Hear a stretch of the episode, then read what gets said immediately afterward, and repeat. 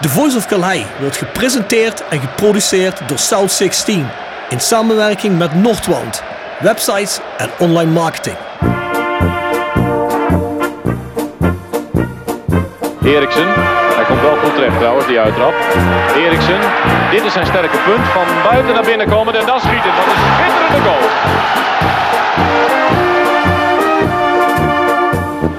Hansen. Hansen nog steeds. En hij zit erin ook zeg, maar Rempel.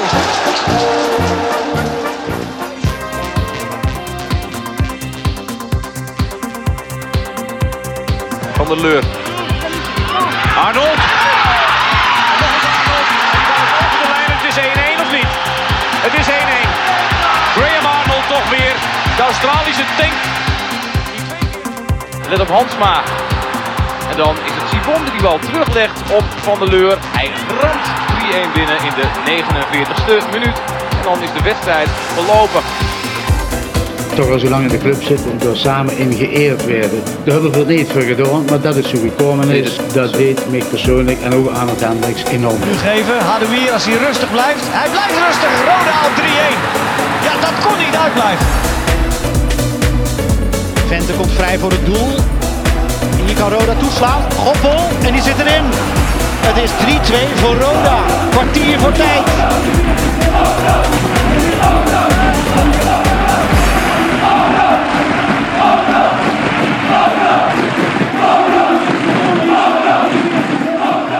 Dit is Benji Bouchouari en je luistert naar The Voice of Calais. Ja, goedemiddag, Björn Jegers. Wij zitten op de bovenste verdieping van het Mijnmuseum. Plafond is een beetje hoog hier, hè? Beetje kerkgevoel. Ja, maar kijk vooral achter jou, door een heel mooi raam. Dan zie je de spoorlijnen lopen. Ik moet zeggen, het uitzicht vanaf hier kan mij wel bekoren. Ja, er is niks mis mee. Ja, ik kijk naar jou, dus voor mij is het uitzicht wat minder. Nee, maar ik kijk vooral langs jou, want anders word ik ook niet vrolijk. Maar kijk, nu komt er een trein langs van de Arriva. Nou, er is niks mis mee. Leuke setting hier. We zijn nooit hierboven geweest, omdat het galmt een beetje. Er staat wel een mooie tafel en dat is eigenlijk perfect. Maar eh, ah, niks mis met het Mijnmuseum. Komt allemaal goed, We jongens. mogen niet klagen. Nee, we mogen zeker niet klagen. Altijd behulpzaam. Goede locatie. Hey, een aantal mededelingen voor we beginnen. Uh, South16.com en 16 is met XVI, Romeinse 16, hè, is onze website. Daar vind je onze collectie aan merchandise. Onze Glück ook. Die kun je ook bij Bluff kopen. Café Bluff is daar een hele, binnenkort ook een paar andere locaties in Nederland. Hou dat even in de gaten. We hebben natuurlijk wij zijn RodeJC.nl, een van de grootste Rode JC fan websites. En daar wordt elke wedstrijd vanaf de 70ste minuut eh, man van de wedstrijd gekozen. Ja, afgelopen weekend een beetje moeilijk, want Roda speelde niet. Hoe vind je dat nou, Bjorn, die, die, die weekenden waarin Roda niet speelt? Ja, af en toe, eh, kijk, kijk, liever had ik natuurlijk wel gespeeld om in die flow te blijven. Maar heel af en toe zijn er wel eens weekenden dat ik denk van, het komt niet heel verkeerd uit. Als je bijvoorbeeld... Voor Roda eh, niet of voor jou niet? Nee, voor Roda niet. En voor mij ook niet. Vooral in de jaren dat wij eredivisie spelen en we stonden iedere keer voor degradatie. We verloren, verloren, verloren. En er was dus een weekend geen wedstrijd. dacht ik voor heerlijk. Hoef ik me zo'n weekend niet te irriteren of chagrijnig rond te lopen. Maar in de KKD heb ik dat minder. Maar ja, als je bijvoorbeeld een keer wat blessuregevallen hebt in de selectie, dan kan een weekje rust natuurlijk wonderen doen.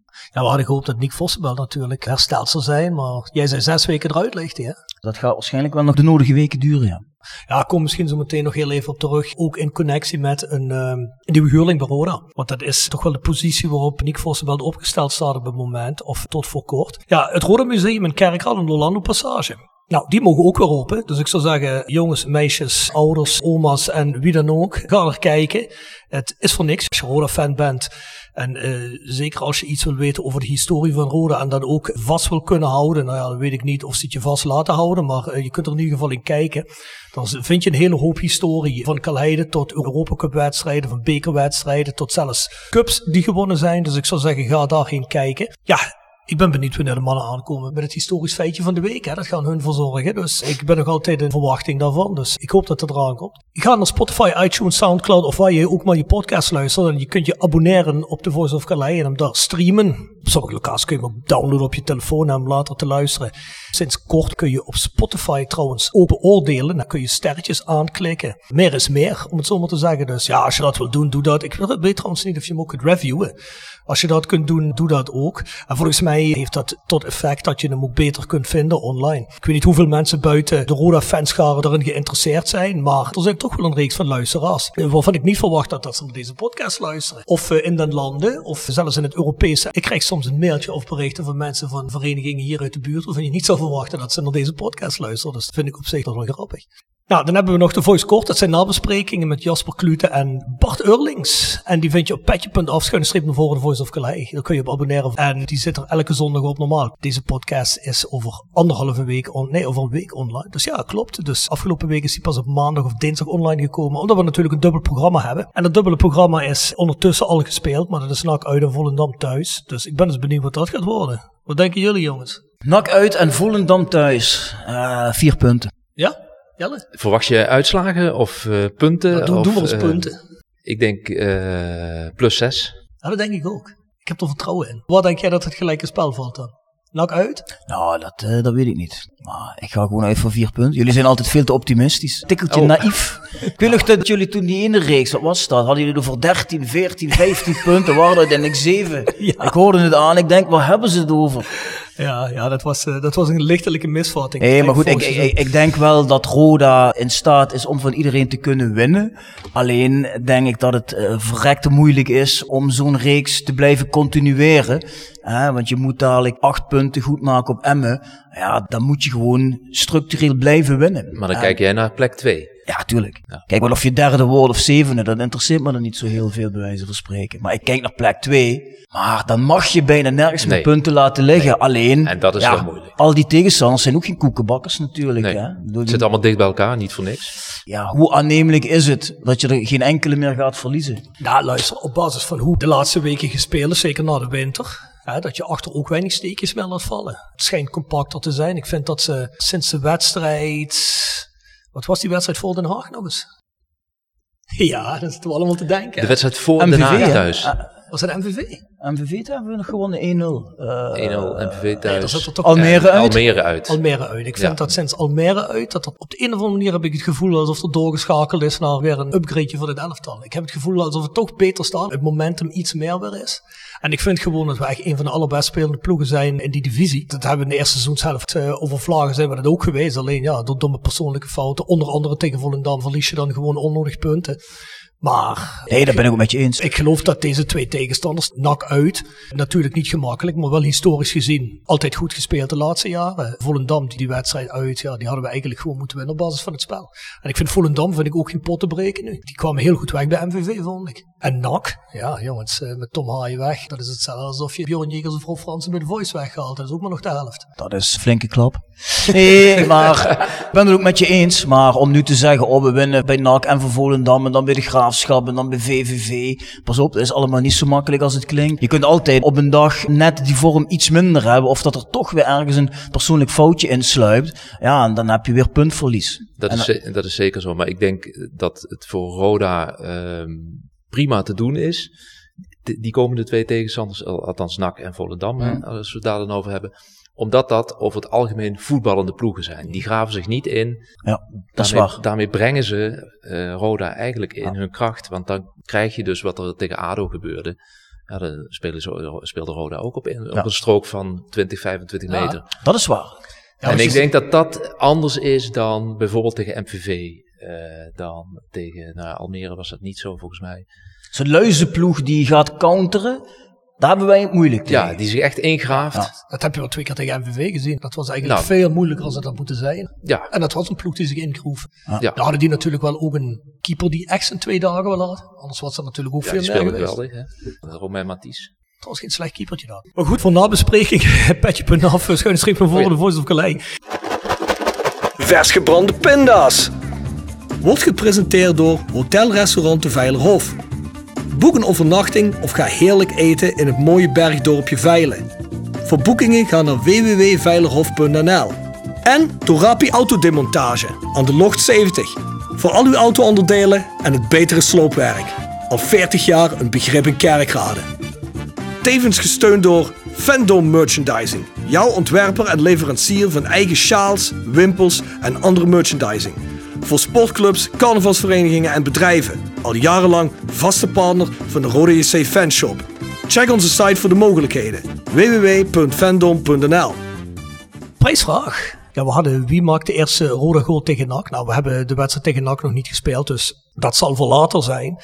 De vorige podcast met Roger Rava hadden we ook het antwoord nog niet op de prijsvraag die we de podcast met Dylan hebben. Die hebben we nu wel. Ja, welke Feyenoord-spelers gingen eigenlijk over de laatste 40 jaar richting Roda? Dus gingen voor Roda spelen. Dat waren er niet zo heel veel. We kregen er wel een hele reeks van inzendingen voor. John Kulgen heeft uiteindelijk de prijsvraag gewonnen. Zijn antwoord was Hendrik Boulesta en Gustafsson. Moet je ook wel met de voornaam? Simon. Simon Gustafsson, klopt. Die kwamen inderdaad. Gustafsson is nog redelijk recent. Hendrik Boulesta, ja, ik vroeg dat ook wel in Mo en Roger Raven. Zit hij eigenlijk vast, Bjorn? Jij weet dat vast. Nee, die zit toch niet vast? Nee, maar die was toch gepakt ja, met... was gepakt uh, met de hennenplantage. Ja. Maar die gaat er niet vastzitten in Nederland van hennenplantage. Nee, is dat nee, zo? Nee, joh, gek. Hennenplantage. Taakstrafje, hè? Lekker schoffelen. Oh, ja, ja, Bejaarde mensen die konden afwassen, hè? Ah, zo, ja. Schoffelen. Ik kan die oefenen voor die wieplantage. Maar er waren natuurlijk nog een hele reeks anderen die ingezonden zijn. Onder andere ook terugkerende René Hofman natuurlijk in Ja. de tijd. Hè? En zo waren er nog wel een paar. Hey, de nieuwe prijsvraag. Nou, ik moest heel even denken. Het is vandaag 1 februari. Hè? Ik heb me weer wat laten invallen. Dus ik denk, ja, wat is er nou op 1 februari? Dus vandaag, maar dan jaren geleden gebeurd. Kun je nog de bekerwedstrijd herinneren? Vier jaar geleden in Tilburg, Pion. Die met tweet, die gaat zo weer, die wordt eigenlijk het balletje in de kruising legt. Af DJ. Die wedstrijd? Ja, die.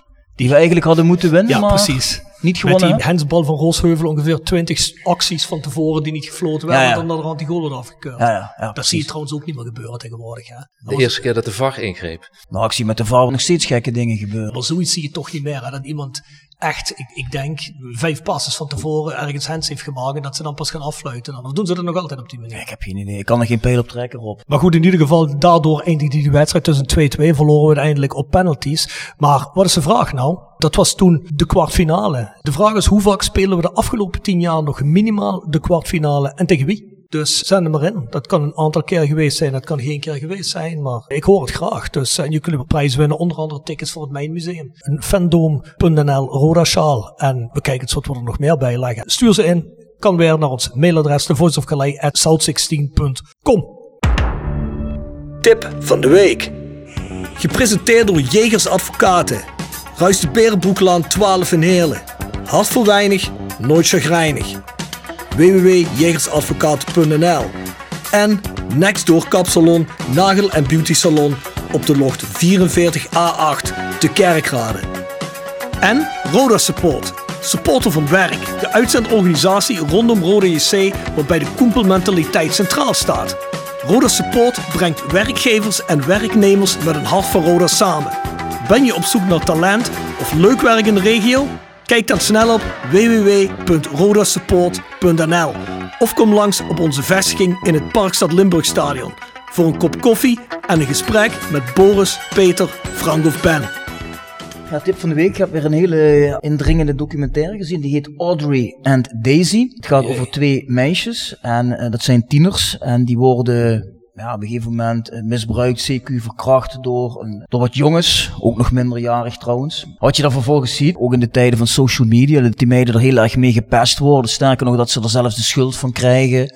En dat ze zich niet moeten aanstellen, et cetera, et cetera. Nou, die meiden gaan zich steeds meer terugtrekken. En uiteindelijk plegen die ook allebei zelfmoord. En van een van die meiden pleegt uiteindelijk ook nog de moeder zelfmoord. Dus je ziet dan eigenlijk, ze spreken ook met die meiden, wat dat met ze doet. Er wordt in zo'n Amerikaans stadje ook nog met een sheriff gesproken, die ook zo zegt van, ja, weet je, verkracht, verkracht. Jongens zijn een beetje schuld, meiden zijn een beetje schuld. Ze wordt eigenlijk een beetje goed gepraat. Die meiden gaan dan eigenlijk helemaal naar de knop, als het ware. Dat is best wel heftig om te zien. Ja, dat klinkt heftig. Waar vinden we die weer? Netflix. Netflix. Audrey en Daisy. Ik heb er ook een aantal. Ik heb er gewoon eens een paar opgeschreven. Ik heb All or Nothing, Juventus. Normaal die All or Nothing series, die gaan altijd over topclubs. Die ben ik eigenlijk wel een beetje zat. Zo'n seizoen volgen ze een topclub. Die werd trouwens ook wel eens een keer geopperd door onze vaste luisteraar Marcel Klomp-Arends. Om die als tip mee te geven. Maar deze vond ik wel leuk, omdat het in de Italiaanse afspeelt natuurlijk. Ja, ik hou wel van de Italiaans voetbal. En het is toch een beetje anders dan die Manchester City en die Tottenham Hotspur All or Nothings. Met die jongens die daar spelen, vooral die oudere jongens, zo'n Chiellini en nog wat jongens, is het eigenlijk best wel leuk om te kijken. Die heb ik dan ook over een paar avonden afgekeken. In het verlengde daarvan heb ik waarschijnlijk een doodzonde begaan. En ik heb toch eens op Disney Plus uitgecheckt dat ene woord. Dat het eigenlijk hetzelfde is en dan gaat het over Feyenoord. Ja, dat is toch bizar hoe dik advocaat het team coacht. Heeft iemand van jullie dat gezien? Ja, ja ik heb hem ook met verbazing uit zitten kijken. Dit zijn dingen die kunnen jij en Bjorn en ik kunnen dat ook allemaal. Ja, en ik heb een jaar met Dick Advocaat gewerkt eh, in Oh ja? de tijd bij PSV.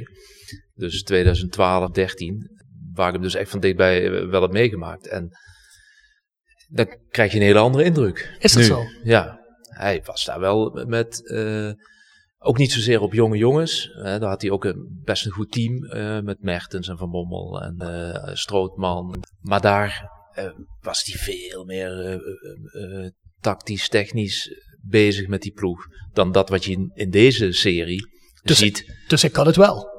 Ja, die indruk heb ik wel. Ik was echt wel verbaasd, want ik hoor en zie niet meer in die, in die eh, documentaire. eh, kom op, we kunnen het. Ja, in, die, in die categorie. Zijn. Ja, ik heb het er niet gezien, dus ik kan er niet over meepraten. Maar ik denk op een gegeven moment, als je 70 bent, dan dat- ben je toch ook wel een beetje te oud voor. Dan heb je toch niet meer die klik met die jongens van 19, 20 dat, jaar. Dat was ook wel duidelijk in dat programma hoor trouwens. Dat, Denk dat ik. hij daar, denk ik, ook wel de afstand voelde. eh, eh, niet één, maar een paar generatiekloofjes. Veel van die jonge jongens waren ook wel klaar met hem. Als je die keeper, hoe heet die, Nick Marsman of hoe heet die, die reservekeeper ja. bijna al niet meer tussen neus en lippen praat hij toch erover die hij eigenlijk allemaal wel een beetje minder vindt. Dat ze toch een beetje meer houvast nodig hebben nu. Ja, ja. En je ziet die assistent-trainer die er naar de hand bij komt. Hè? Die jongen van AZ, Ja. die van de Feyenoord jeugd wordt doorgeschoven naar het eerste. Ja, maar dat is, eh, dat is, ja, dat, dat was een jongen die met laptops werkte. Ja. En dat, eh, dat is eh, ook een andere generatie eh, ten opzichte van advocaten. Hè? Ja, Kijk, je, la- je lacht je kapot. Kun je die scène herinneren daaruit dat ene woord waar die jongen die begint dus tactisch uit te leggen. Dus de PowerPoint-presentatie. Ja. Dan schuif jij hier door en dan Ja. zet je druk daar. En dan hoor je dik aan het verkouden. Dan denk ik, ja, rustig nou, rustig. Waar waar is dat precies te zien? Op? Disney Plus. Disney Plus, ah, ja. verdomme, ja, die heb ik wel niet. Maar ja, kijk, eh, dat is natuurlijk wel iets wat je vaker ziet, hè? verandering. En dat is moeilijk voor, voor Mm. mensen. En eh, in die tijd bij PSV eh, eh, kwam Memphis eraan, maar had hij Mertens voor zich. En daarvan zei Dick Advocaat gewoon, nou ja, Memphis, leuk, die mag een keer meedoen. Maar die kan wel willen, maar die moet dan eerst Mertens uit het elftal spelen. En zo zit het natuurlijk wel een beetje in elkaar in die voetballerij. En daar is hij heel erg van, Dick Advocaat. Ah, ja. Hele Ah, mooie man en Ah, ja. bijzonder figuur. Ja, dat sowieso. Dat zeker. Ik had nog een aantal tips, maar die ga ik bewaren de volgende keer. Er zit iets tussen, wat jij wellicht heel interessant vindt, Bjorn. Dat is een, wel, podcast, eh, is een podcast, gaan we oh, volgende podcast. week doen. Nu we door de tips heen zijn, Bjorn, zeg maar, wie zit er hier bij ons? We hebben zijn stem al gehoord. We hebben hem al een aantal keer gehoord. We zitten hier met Jelle Kleine. En Jelle is chef sport van L1. Maar ik vroeg hem net beneden al, toen jij weer een half uur te laat was. Toen had ik al met Jelle gesproken. En toen vroeg we Jelle, van Jelle, maar leg eens even uit. Want er zit natuurlijk nog een heel verhaal achter, chef sport van L1. Dus misschien is het een goed idee Jelle, dat je wat je mij net vertelde, wat je allemaal gedaan hebt in je carrière en waar. Dat je dat ook even aan de luisteraars vertelt. Nou ja, goed, ik ben eh, geboren en getogen in Heerlen. En eh, ik heb eh, lang gevoetbald bij Bekkerveld tot aan de, de senioren. Tussendoor eh, een jaartje Roda in de jeugdopleiding. Zeg maar om een beetje perspectief te schetsen, de generatie Rick Plum. Toen ben ik gaan studeren en toen ben ik eh, gaan werken in Hilversum bij Sport 7. En eh, dat was destijds voor het programma Sportcafé van Hans. Junior onder andere. En daarna ben ik naar Limburg gekomen omdat hier regionale televisie begon. En daar ben ik gaan werken als verslaggever, presentator. Toen ben ik weer naar Hilversum gegaan. Tussen 2001 en 2008 heb ik daar gewoond. Eh, heb ik voor RTL Sport gewerkt, RTL Nieuws gewerkt, voor Talpa, voor TV Noord-Holland, voor Voetbal International. Talpa, je En bent toch hier verwikkeld in affaires, ik, hè? Eh, nee, nee, nee, maak je, maak je geen zorgen. maak je geen zorgen. Ik werkte voor de productiemaatschappij iWorks van Reinhard Oerlemans. Ja. Eh, die eh, verkocht zijn sporttak aan Infostrada. Dat is een sportdatabedrijf. Eh, dat ging weer over in Southfields, zoals het nu ook nog heet.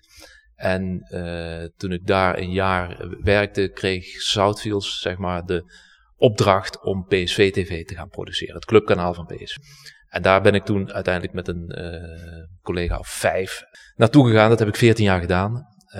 En daar maakten we eigenlijk alles op videogebied voor PSV. En daar was ik uiteindelijk in dat team eindverantwoordelijk voor. En twee jaar geleden eh, kwam de functie chef sport bij L1 eh, vrij. Ik eh, woonde inmiddels alweer in Heerlen. En nou ja, we kennen elkaar uit het verleden, hè, die vier jaar dat ik daar gewerkt heb. En toen werd ik benaderd of het iets zou zijn. Toen dacht ik, ja, soms in je werkende leven komen van die momenten voorbij dat je iets heel lang doet en dat dat geweldig is. Maar dan komt er ook iets op je pad waarvan je denkt van, nou ja, ik moet dat misschien maar eens doen. En dat was dit. Die lokale tv is over de tijd, of lokale media is over de tijd toch eigenlijk wel ontwikkeld tot iets volwassens. Hè? Absoluut, absoluut. Als je kijkt naar... Maar ik kan me nog het eh, begin van alleen herinneren, dan was het allemaal houtjes, touwtjes een beetje. Ja, en dat is Eh, het soms nog wel hoor, want dat geldt voor alle omroepen. Want ook als je in Hilversum gaat werken, is het soms houtje touwtje aan elkaar. Ja, is dat zo? Eh, ja hoor, dat, eh, daar hoef je geen zorgen om te maken. De, de illusie van... eh, Dus het is eigenlijk zoals bij elk bedrijf tegen Maak je elkaar vergelijkingen. Dat je, het lijkt van buiten altijd veel professioneler als je dan daadwerkelijk ergens werkt. Ja, maar en natuurlijk, het aantal mensen dat er werkt is groter. De mensen zitten vaker vanuit een opleiding rechtstreeks, met name als je over faciliteiten hebt, echt in de televisiewereld. Maar uiteindelijk gaan die mensen ook eh, overal verspreid door het hele land. Want al die provincies hebben regionale omroep. En dat verhoogt daar het niveau ook. Als je dan gaat kijken naar eh, cijfers bijvoorbeeld, dan zit L1 eh, structureel in de top 2, top 3 van regionale omroepen in Nederland. Omroep Brabant is heel erg groot, maar die zijn heel erg op online gericht. Wij zijn wat traditioneler op tv en radio gericht. Ehm, maar willen heel graag een online slag maken. Dat, dat zie je, dat kun je zien in bijvoorbeeld 1 Limburg, eh, waar heel veel berichten verschijnen. En dat podium heeft ook een groot bereik. Eh, en dus die twee eigenlijk, en, en dan heb je op radiogebied eh, T- RTV Noord, dat in Groningen, waar ook eh, de cijfers hoog zijn. En het is niet zo gek dat dat in eh, provincies gebeurt, die ja, traditioneel nogal op hun eh, eigen cultuur zeg maar, gericht Mhm. zijn.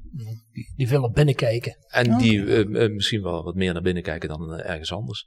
Ik heb ook bij TV Noord-Holland gewerkt. En eh, daar, ja, daar draait alles om Amsterdam. Ja, tuurlijk. Eh, en daar proberen zij eh, zich te richten op eh, de kop van Noord-Holland bijvoorbeeld. Want AT5 is bijvoorbeeld echt de Amsterdamse Ja. stadszender.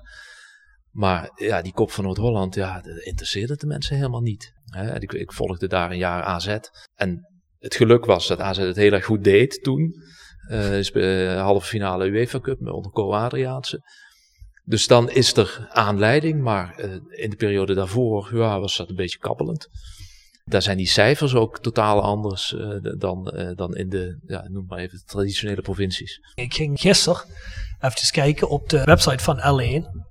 Gewoon om eens te kijken wat er nou aan het personeel zit. Dan heb je zo'n overzicht, redactioneel wie er zit en Mhm. wie weet ik veel. Er zijn best wel veel mensen die er werken. Ja, absoluut. Ik weet niet of die allemaal fulltime zijn, maar dat is... eh, Nee, dat is zal niet. eh, zal- 150 ja, zeker. Ja. Dat is Ja. veel, hè? Ja, En dan heb je het van, eh, zeg maar, inclusief receptionistes, eh, administratie, dat soort dingen. Dat, daar moet je wel rekening mee houden. Maar redactioneel is het gewoon een groot bezet bedrijf. Ja. Maar Ja. dat moet ook wel, eh, want je maakt zeven dagen per week tv, zeven dagen radio. En, het, eh, en zeven keer 24 eh, online. Met name tv is natuurlijk enorm arbeidsintensief. Hè, daar moet je gewoon ja, bijna altijd met z'n tweeën op pad. En er moet gemonteerd worden. En eh, daar gaat gewoon veel tijd in zitten. Dus op het moment dat eh, ik met een cameraman ergens naartoe ga, dan eh, moet eh, mijn collega of op het bureau zitten Ja. om eh, eh, de, de teksten te schrijven, of moet zich met iets anders bezighouden. Maar had eh, Jelle niet ook Jasper Klute van de Voice Court gescout? dat weet ik niet. Dat, dat gerucht zingt toch rond, hè? Echt waar? Dat Jelle altijd op zoek is naar nieuw talent. En Jasper Klute Dat is zeker waar. nieuw talent zijn, toch? Dat is zeker waar. Ik heb Jasper Klute wel eens gesproken, inderdaad. Maar niet eh, in de scoutingssfeer, zeg Nee, maar. nee, nee, nee. nee. Oh, ik dacht, maar ja, zeggen, weet. maar dat was niet overtuigend. Dan moeten we, Nee, nee, nee, moeten we. Jasper nu gaan Zeker- teleurstellen als je dit hoort. Nee, ja, weet je, Ik wat ken, Jasper van- verder, ik ken Jasper verder niet. Hè. Nee, ik heb Weet je waar ooit het één gerucht keer- vandaan komt? Nee. Ja, kijk, ik zit op die petje.af af natuurlijk. En dan zie ik de leden. En ik zag dat Jelle eens een keer of één uitzending eh, Ik heb een uitzending geluisterd. Geabonneerd heeft. Ja, dat klopt. Dus ik denk van ja, dat zal toch niet voor Bardemijn zijn. Dus die is misschien op scoutingsavontuur, weet je. Ah, dus jij hebt dat dat geruchtenwereld in de hoofd. Heb Ja, ja, ja, ja, ja, ja. Kijk, Dus, de goede eh, talenten zijn altijd welkom. ah, ja. Nou ja, kijk, ik ben een beetje Inspector Gadget als het daarop aankomt. Hè? Dus eh, Maar eh, zijn wij niet bruikbaar, eh, Jelle, bij L1? Kun je met ons niks? Nou, jullie hebben vooral een hele hoge cultfactor. En in, de, in de goede zin van het woord. Want de puurheid, dat, dat moet ik eerlijk zeggen, als ik deze podcast wel eens beluister, die spat er vanaf. En dat maakt het zo ontzettend leuk. Er zijn ook podcasts die, die zijn eh, dusdanig gelikt.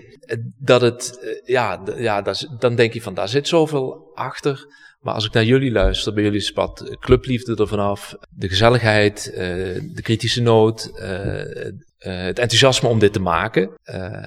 Eh, dus ja, dan eh, is dat Nou. is dat heel erg leuk om naar te luisteren. Oh, Godverdomme, dankjewel. wij gaan met een goed gevoel naar huis, wij. Zijn Ja. we, we zijn er klaar voor vandaag. Of jullie, dat was hem. Maar of jullie geschikt zijn voor L1, dat durf ik eh, niet te zeggen. Dat is zo jammer. Denk ik niet. Nee? Dus Limburg 1 in me gaan. En niet alleen maar Oostelijke Mijnstreek nee, 1, dat- denk nee, nee, nee, Nee, daar zijn we niet klopt. geschikt voor. Dus, dus als je ooit een, eh, een passievolle mening over Roda nodig hebt, uh, houden we ons... Dan wel. Aanbevolen. Dan wel. Maar je moet ons niks over verder in de provincie vragen, want dan eh, zakken we door het ijs natuurlijk. Nee, zou Jelle alles die MVV-podcast geluisterd hebben? Ja, weet ik niet, maar dan heeft hij toch een half uur eh, tijd verspild, denk ik. Dan krijgt hij nooit meer terug, dat half uur. Ik luister al die podcasts, dus maak je, maak je geen ik zorgen. Kun je je nog herinneren die met die bij ons in de app werd gedeeld? Met wie was die ook Met alweer? Nicky Soer. Met Nicky Soer heb je die gezien, Jelle? Nee. Hij met alle Ah. respect, ik ga er niet op afgeven, whatever, maar het is een tikje anders dan hier, laat ik het zo zeggen. Een tikje anders. Oké. Zoek het maar eens op. Even een andere vraag, Jelle, want die hebben we ook gesteld aan Jimmy Leenders en Geert-Jan Jacobs. Dat is natuurlijk de hamvraag die er is. Welke club is de grootste van Limburg? Nou, eh, als je kijkt naar achterban en historie, eh, dan steekt Roda daar met kop en schouders bovenuit. Hey, tik hem aan, Jelle. Hoppa. Goed antwoord, ik keur goed. Dat is ook geen andere antwoord. Nee, maar ik... eh, Alhoewel ik eh, wel hoorde bij hun, hun doen, sorry dat ik je onderbreek, Jazeker. Jelle, maar ik spring er heel even op in. Gisteren zat ik dus op die L1-website te kijken en toen zag ik dan een link naar, hoe noemen jullie dat? De directiediner, voetbaldirectiediner? Ja, voorzittersdiner. heet dat. Voorzittersdiner. Dus Als denk, altijd met de kerst of zoiets, hè? Ja, dat klopt. Dus er komen alle directeuren Ja, klopt. eh, een hapje eten en eh, eh, onder het genot van een hapje en een drankje eh, even terugkijken en vooruitkijken naar het jaar. Dus dat heb ik even aangeklikt. En ik denk, ah, ik ben toch nog met wat dingen bezig. Ga ik dat gewoon luisteren? En eh, toen hoorde ik, eh, presenteerde jij dat? Of, Ik presenteerde samen met eh, Maurice de Heus. nou, dan hoop ik dat dat Maurice de Heus was. Want ik kon even niet eruit halen, want we hebben al wat vaker gesproken. Dus ik denk, volgens mij is dit Jelle niet. Die zei toen tegen die voorzitter van Fortuna, nou, jij mag je eindelijk de trots van het zuiden noemen vanaf dit jaar. Toen dacht ik, van, Pardon? Die is helemaal door elkaar, die jongens. Was jij toch niet, hè, Jelle? Ik kan het me niet herinneren. nee. Anders, anders- is dit gesprek per direct beëindigd natuurlijk. Hè? Oh, gaan we zo beginnen? gaan we zo beginnen? Nee, maar ja, het is een beetje door elkaar geschuddeld op het moment, eh, de verhouding. Maar eh, dat zal toch iedereen wel weten hoe de verhoudingen liggen in Limburg. Ja. Stiekem wel. Niet iedereen zal het toegeven. MVV heeft ook mooie traditie. Vind ik ook vooral een leuke club, omdat ze... een, eh, ja, kijk, sommige mensen ergeren zich daar en ik niet. Ik vind dat mooi, die uitwedstrijden in Geusel. Ik vind dat ruwe en dat eh, gepassioneerde wat daar ook zit. Ja, dat vind ik wel lekker. Ja. En ik vind dat dat bij MVV en bij Roda eigenlijk het meest merkbaar is. En bij Venlo, ja jongens, ik vind het allemaal leuk en goed, maar... eh, Leeft niet Het echt. is geen derby, hè? Toch? Mogen, zeker mogen, mogen wij niet zeggen, hè? Nee. Over een week of twee, hè? Nee. voor alle duidelijkheid. nee, dat is geen derby. Ja, ik vind die wedstrijd meer hebben dan Roda Almere. Ja, logisch. Roda Ja, VVV. dat lijkt mij wel. Daar vind ik veel meer spanning op zitten. Je mag het toch geen derby noemen? Ja, derbytje. Derbytje. Derby tot de macht min 2 misschien. Maar om even op, dat, eh, op die vraag die jullie aan eh, al die journalisten eh, stellen terug te komen. Kijk, wij werken met een klein team bij al die clubs. En we kunnen daar echt overal prima werken. Dus dat, dat doet niks af aan grootte of dingen. Mm. Maar als je kijkt naar bijvoorbeeld de oefenwedstrijden die we via livestream hebben uitgezonden in de voorbereiding op het nieuwe seizoen. En dat gebeurde noodgedwongen, hè, omdat er niemand mocht komen kijken. In de eerste coronaperiode zeker. Dan zie je aan die aantallen wel een beetje hoe de verhoudingen liggen. En dan kijken er heel veel mensen naar die eh, streams van Roda. Daar is ook heel veel interactie op. En eh, net daaronder komt eh, Fortuna. En daaronder komen VVV en MVV. En die zijn een beetje gelijkwaardig. En dat is, dat, daar kun je aan aflezen van of iemand groot is of niet. En als je dan daarnaast naar historie en zeker recente geschiedenis gaat kijken. Ja, dan denk ik dat, eh dat Roda gewoon een grote club is. Want, eh, Nog steeds, hè. Ik bedoel, eh, hoe lang alweer in de keukenkampioen divisie? 2018? Drie, drie, vier jaar. Wat heb je met Roda? Heb je een connectie met Roda? Ben je supporter geweest misschien of nog steeds? Nou, kijk... eh, Gespeeld als een je- jaar, hè? Nou ja, eh, kijk, eh, er zijn twee clubs in Nederland die een eh, speciale plek hebben eh, bij mij. En dat zijn PSV en Roda. Oh, PSV, eh, dat vertelde ik net omdat ik daar 14 jaar gewerkt heb. Eh, tuurlijk, althans, ja. 14 jaar rondgelopen heb. En is Roda, onvermijdbaar dan, hè? dat is dan onvermijdelijk. Eh, en, ehm, en Roda, eh, daar kom ik al vanaf mijn zevende. Getriggerd door mijn buurjongen die eh, zingend met een grote vlag eh, over zijn schouder op de fiets van Heerlen naar Kerkrade fietsen. Mocht ik ook ooit een keer mee. Uiteindelijk wordt dat minder of zakelijker, hoe je het ook wilt noemen, als je in dit vak terechtkomt. Want dan moet je eh, gewoon afstand gaan houden en dan Ja, je moet objectiever worden, hè? Dan moet je objectiever zijn ook. Hè? En dat is in de loop der jaren prima gelukt. En het wordt anders op het moment dat je daar kunt gaan spelen. Kijk, ik was uh, 13, denk ik, toen ik in regionale selecties uh, terecht kwam. Uh, en in Limburgs elftal. En dan kom je met allemaal jongens uit alle delen van de provincie, in alle leeftijdscategorieën. Waarvan er sommigen al bij een betaald voetbalorganisatie spelen. En sommigen nog niet. En dan is het toch apart als op een gegeven moment de club waar je dan regelmatig gaat kijken, aanklopt en zegt van wil je bij ons komen spelen mm als je 14, 15 bent. En uiteindelijk was het eerste jaar uh, trainen en dan uh, spelen bij je club, in dit geval Bekkerveld. En uh, een jaar later zeiden we van, nou ja, dat ga ik wel doen. En ik heb daar jaar gespeeld en hele mooie dingen meegemaakt, maar vooral geblesseerd geweest. Want de intensiteit voor mij was van twee keer trainen en een wedstrijd naar vier keer trainen en een wedstrijd, of vier keer trainen en, of drie keer trainen en twee wedstrijden soms. Hè. Dat was voor mij te gewoon, het ging groeien en dat was gewoon allemaal veel te, die stap was veel te groot. Dus na uh, uh, een jaar zei Jan Reker uh, tegen mij van, ja, je moet nu naar de A-jeugd. Misschien kun je beter maar gewoon weer bij je club. En toen dacht ik van ja, dat is helemaal niet zo erg, want dan kan ik weer voetballen. En ik lag meer bij Jan Geurde en Albert Monen en Robert Keulen op de massagetafel in het laatste jaar dat me dat lief was. Achteraf denk je, Potverdorie. ik, nee, nou ja, niet, niet dat je. Kijk, als je, uh, als je beseft dat Rick Plum de enige is van die lichting die betaald voetbal uh, is gaan spelen, dan uh, kun je dat ook redelijk inschatten. Hè? Je weet wel of je goed genoeg bent of niet. Maar achteraf realiseer je pas van eigenlijk was je met een, een beroepsopleiding bezig. Of was je, met een, was je met een soort van beroep bezig. En dat, dat besef was er toen helemaal nee, nee. niet. Daar ben je er veel te jong voor en de begeleiding was niet goed. En uh, Jan Reker en Willy van der Kuilen die probeerden dat wel heel erg uh, op een bepaald niveau te tillen door één keer per week op dinsdagavond met ons te trainen. Maar dat merkte ik pas een jaar later, want toen dacht ik opeens van godverdorie, met die van der Kuilen heb ik wel uh, mijn rechterbeen kunnen trainen. Ik kon opeens een bal over 25 meter bij iemand met rechts in, mm. inspelen. Alleen ja, in die situatie zelf we waren, uh, dat was in dat uh, legendarische Europese seizoen met uh, Sofia en Guimarães. Mm. En waren wij ballenjongen.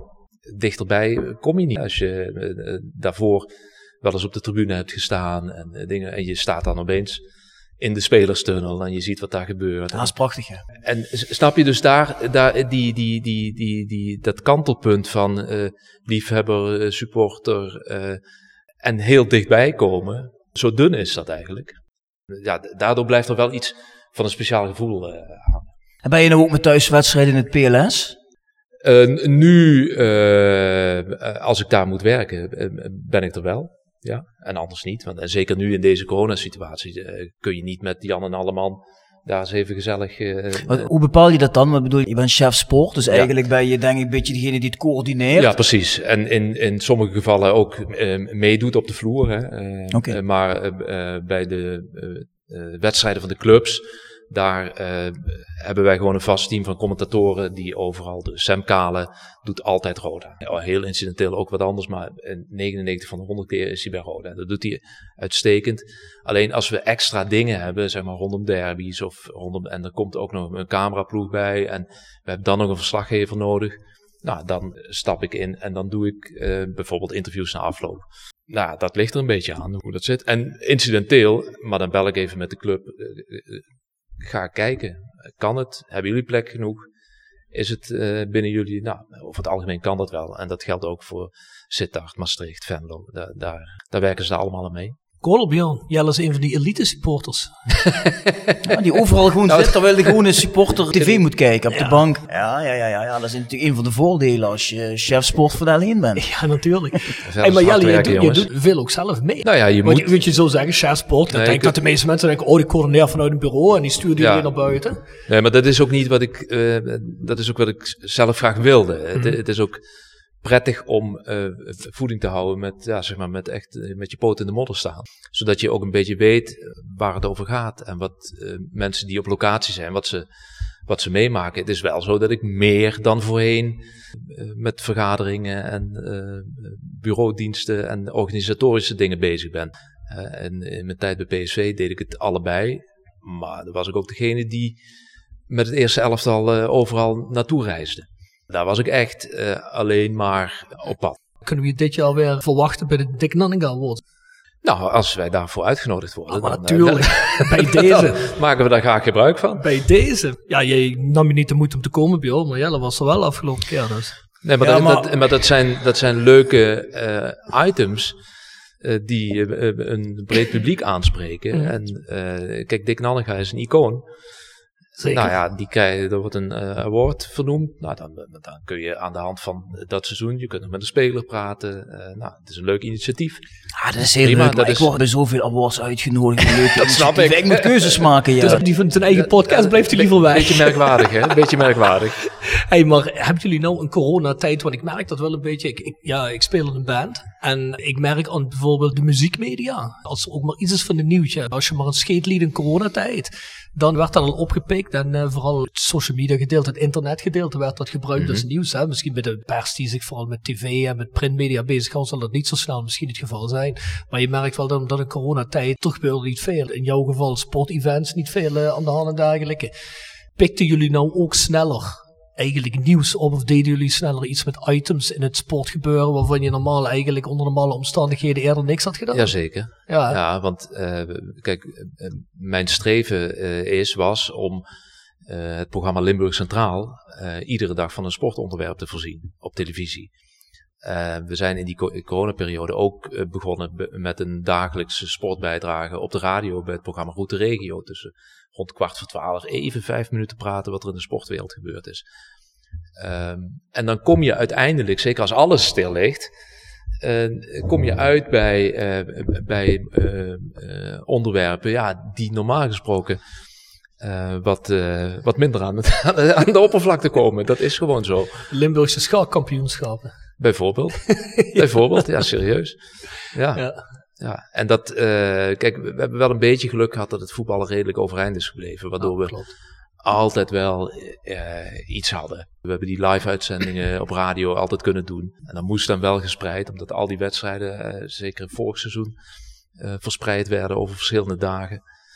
Maar goed, ik denk dat we daarmee wel die continuïteit hebben kunnen leveren. Omdat we eigenlijk iedere keer als het betaald voetbal is, dan hebben we een, een uitzending. Eh, Kijk, we hebben geluk gehad de afgelopen voorjaar dat eh, de Amstel Gold Race weer eens doorging. Dat is toch ook een belangrijke pijler voor ons. en en dan, ehm, eh, dan zijn we blij dat we daar wat extra programma's omheen kunnen maken ook. Hebben jullie die gesprekken met spelers en trainer altijd face-to-face kunnen doen gedurende de hele lockdown? Of Nee, we hebben Digitaal eh, of zo? heel vaak digitaal. We hebben echt een fase gehad dat het, zeker in het begin, dat alle clubs alle deuren dicht deden.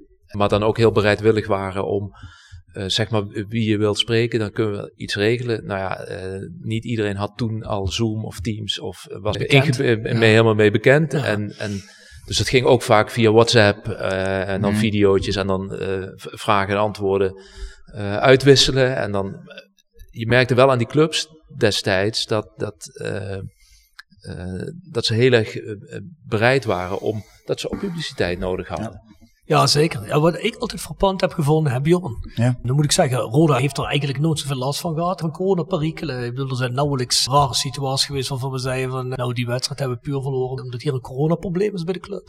Dus dat hebben ze eigenlijk altijd wel goed gedaan. Maar wij met de podcast hebben eigenlijk in die hele tijd, ook waar lockdowns waren, weet ik veel, we hebben altijd spelers op bezoek gekregen. Ik weet nog dat we hier midden in de eerste lockdown met Benji Bouchouari hebben gezeten, terwijl er wel gevoetbald werd. Als ik nou Jelle hoorde, denk ik bij mezelf van, ja, eigenlijk als je Roda was geweest, had je eigenlijk gewoon moeten zeggen, ja Benji, gaan we niet doen. En Nee. toen wel via Roda, hè. ik bedoel, Nou ja, er niet erbij gehouden. Kijk, ik heb daar toen eigenlijk nooit zo bij stilgestaan dat dat vrij bijzonder was, want dat gebeurde gewoon. Maar ja, als je erop terugdenkt, ja, voor de club misschien toch wel een risicootje wat je er loopt. Hè? Want zeker voor jou weet je niet waar je allemaal uithangt. en als je dan zo'n speler aansteekt, kan dat als een vuurtje door de hele selectie gaan. Dus ja. jij bent wel best een risicofactor wat dat betreft. Ik moet je eerlijk zeggen, ik snapte wel dat clubs daar eh, op een of andere manier wat moeite mee hadden. Als, natuurlijk. eh, als we dan, ja, dan, dus de consequentie voor ons was eh, geen actuele trainingsbeelden. Dat soort dingetjes allemaal. Ja, Ja, ja, ja. dat is dan soms jammer. En Ja, voor jullie was het natuurlijk ook een stuk intensiever. Hè. Jullie zijn gewoon bij veel meer dingen. Ja, dat klopt. Dus dat alleen klopt. is gewoon veel presenter natuurlijk. Hè. Ja, dus eh, en in het, geval- het geval van, eh, wij eh, besteden dan iedere keer zoveel mogelijk aan aan vier clubs. Dus die moet je dan vier keer eh, ja, je moet extra handelingen verrichten. Want eh, via een online verbinding iets opnemen, dat klinkt heel simpel. Maar dat was het zeker in de begintijd eh, Nee. niet. En dat... eh, Erger en- jij je dan ook zo eraan als er weer iemand zit die geen microfoon heeft en niks en een kutverbinding en dat je dan denkt van, Ja. jongens, hier kan ik eigenlijk niks mee. Of het beeld verkeerd om en dan zeg je, kun je hem, eh, een kwartslag draaien en dan precies de verkeerde kant op. Nou ja, Ja, wij hebben voor de Kijk. voice court hebben we op een gegeven moment voor de jongens gewoon een fatsoenlijke betaalbare headset gekocht. Dat, Oh, dat, de, nou, dat de is kwaliteit gewoon telkens goed is. dat is heel Maar slim. ja, Ja, dat Span kan- Bart bedoel je? Ja, maar Ja. dat kan eigenlijk alleen als je met vaste mensen werkt. Kijk, als jij Ja. dan die jongen van Ja. MVV, dan die van VV, Nee. dan die van Roda hebt. Ja, die hebben dat niet thuis liggen. Dat, eh, die zitten dan met hun telefoon. Ja, ja, zonder, zeker. zonder, zonder oortjes en niks. Ja, de, de- Ja. kutkwaliteit. Ja. Bekend verschijnsel dit. Ja, ja, Maar we, Ja. we zijn daar uiteindelijk eh, goed doorheen gerold. Kijk, en wat dan ook nog een keer een, een eh, bijkomende discussie is, dat is een beetje intern, maar het was voor televisiemakers natuurlijk ook een eh, andere situatie. Want we moesten overschakelen op eh, online verbindingen die niet de, de kwaliteit hebben als je daar met een camera, dan, als je daar met een camera naartoe gaat. Maar nu je dat zegt, op een gegeven moment toen het de maanden zo lockdown was, zag je op een gegeven moment beelden op tv verschijnen. Die worden jaar daarvoor nooit en toen Nee, helemaal geaccepteerd. absoluut, En het is nu de normaalste zaak van de wereld. Je Ja. kunt nu gewoon met je telefoon Ja. kun je tv maken. Ja, absoluut. Heb ik toch gelijk of niet? Ja, nee, Ja. nou ja, goed, je hebt, je, je hebt volledig gelijk. Crazy. En het gaat net om dat acceptatievermogen. Ja. eh, vermogen. Dat boeit niemand meer. Nee. Nee, ik zag eh, toevallig een reportage over het afscheid van eh, Ranomi Kromowidjojo, de zwemster. Ja. En die werd, eh, eh, dat ging omdat ze, het ging over het feit dat zij stopte. En een jaar geleden ehm kondigde zij aan, of twee jaar geleden, nee, voor de, voor de eerste lockdown nog, dus dat is twee jaar geleden alweer, kondigde zij aan van trainer te wisselen. En dat deed ze op een trainingskamp via een online verbinding. En de, de voice-over bij het item zei eh, dat dat destijds werd aangekondigd op een manier die we toen niet normaal vonden. En het belachelijk dat dat eh, zo gepresenteerd werd. En Ja. nu is dat helemaal ingeburgerd. Rob, kun je nog eens herhalen hoe die zwemster heet? Waar Jelle het over heeft. Eh, ja, iets Jojo. Bijna goed. hoe, hoe heet ze? Maar jij sprak het echt heel snel vloeiend uit. Dat vind ik wel knap. Zeg het nog eens. Ranomi Kromowidjojo. Kromowi Jojo. Sorry. Is zij van Indonesisch afstamming? Ik denk dat zij wel Indonesische roots heeft. Maar ja, Ja. zeer succesvol eh, Olympische Spelen in Zeker. 2012 volgens mij. Ja, de naam ken ik wel vaag. Maar eh, ja, dan moet ik heel eerlijk bekennen, ik volg het zwemmen niet zo. Maar ja, als chefsport moet je er zeker iets van weten. Dus. Nou ja, ik kijk gewoon veel sportprogramma's. Dus ik zag dat toevallig en toen viel me dat op. Dat dat toen zo gebracht Als jij werd. veel sportprogramma's kijkt, dan wil ik dat hij ook nog heel even een tip geeft. Hè? Want ik ben altijd geïnteresseerd in sportprogramma's. Heb je een leuk sportprogramma voor ons om te kijken? Nou, als je. eh, ik heb afgelopen week andere tijden sport gekeken. Ja. Eh, documentaire over Shinky Knecht, schaatser, met het oog op de Olympische Spelen. Die raakte eh, een tijd geleden betrokken bij een brand en echt met enorme brandwonden. En ze hebben dat hele, hele revalidatieproces gefilmd. Kees Jonkind en eh, eh, collega's. Dat is een prachtige documentaire eh, geworden. En hij gaat nu naar de, naar de winterspelen. Ja. En toevallig op Netflix is nu een serie beschikbaar over Neymar. De Ah, zien komen. Complete Chaos. Ik heb nog niet een, mi- is gekeken. een, is een miniserie. En ik heb anderhalve aflevering gezien. Ja, het is wel een, een merkwaardig fenomeen. Het is eigenlijk een merk Ja. eh, naar kijkt. Maar goed in elkaar gezet, omdat ze vanaf zijn kindtijd al videomateria- videomateriaal hebben. En dat, Ja, is, ja. dat is geweldig om te, om te zien. Hij is een jongetje van 11 bij een clinic in Madrid, bij Real. En dan uiteindelijk, nou ja, Ja, Ja. ik heb hem voorbij zien komen, maar ik vind het zo'n irritante speler. Nou, dat, maar ik, dat ik hem eigenlijk niet wilde kijken. Maar, maar dat is, eh, zo begint, eh, eh, klein tipje van de sluier, maar zo begint het dus. De vraag is aan hem, hoe moeten we beginnen eigenlijk? En dan zit hij op het bed in een basketbalshirt en dan zegt hij, eh, ah, eigenlijk eh, moeten we gewoon zo beginnen zoals ik nu zit. En dan moeten hier allemaal stemmen komen of teksten komen van al die mensen die iets van mij vinden. En mij haten en mij eh, irritant vinden.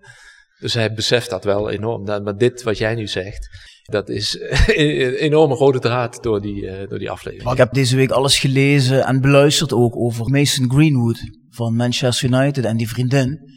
Ook dat geluidsfragment. Heb je Maar die zit in de problemen, hè, geloof ik. Ah, die heeft zijn vriendin Flors toegetakeld. En die vriendin heeft ook weer met een filmpje gedeeld op haar Instagram pagina. Waarin ze zegt, kijk, dit is wat Mason Greenwood met mij doet. Nou, het bloed liep er over het gezicht. En ze had ook een geluidsfragment waarin hij zegt van, je doet nu je benen wijd. Want anders merk je wel wat er met jou gebeurt. Dus echt wel, echt wel heftig. En dan denk ik van, ja, kijk, zo'n gast, die is 20, iedereen zal wel aan zijn voeten liggen. Dus volgens mij weten die totaal niet meer wat reëel is en wat niet reëel is. En ik denk dat je daardoor zo'n scheefgroei eh, een stukje persoonlijkheid krijgt. Die jongens die voelen zich oppermachtig. Ja, dat inderdaad. Hebben ze een club wordt alles voor je geregeld. Iedereen danst aan je pijp in principe. Iedereen Ja. wil iets van je. Dus die vindt waarschijnlijk ook dat de wereld maar aan zijn voeten moet liggen. Inclusief vriendin. Ja, dat is het hem, dat is het. Het praat natuurlijk helemaal niks goed. Maar, ik vraag me eh, af wat dit met zijn carrière gaat doen, want eh die dat kon Ja, wel eens die een vet is in probleem ieder geval eh, zwaar beschadigd. Ja. En dat heeft hij toch echt zelf gedaan. Hij stond na de order is hij geschorst bij Ja. Manchester United. Kijk, in Engeland zijn ze daar heel erg streng in. Hè? Daar hebben ze vaker problemen met alcoholmisbruik, Ja. eh, eh, spelers die Ah, Tony misdragen. Adams komt er lang mee weg. Hè? Tony Adams, ja.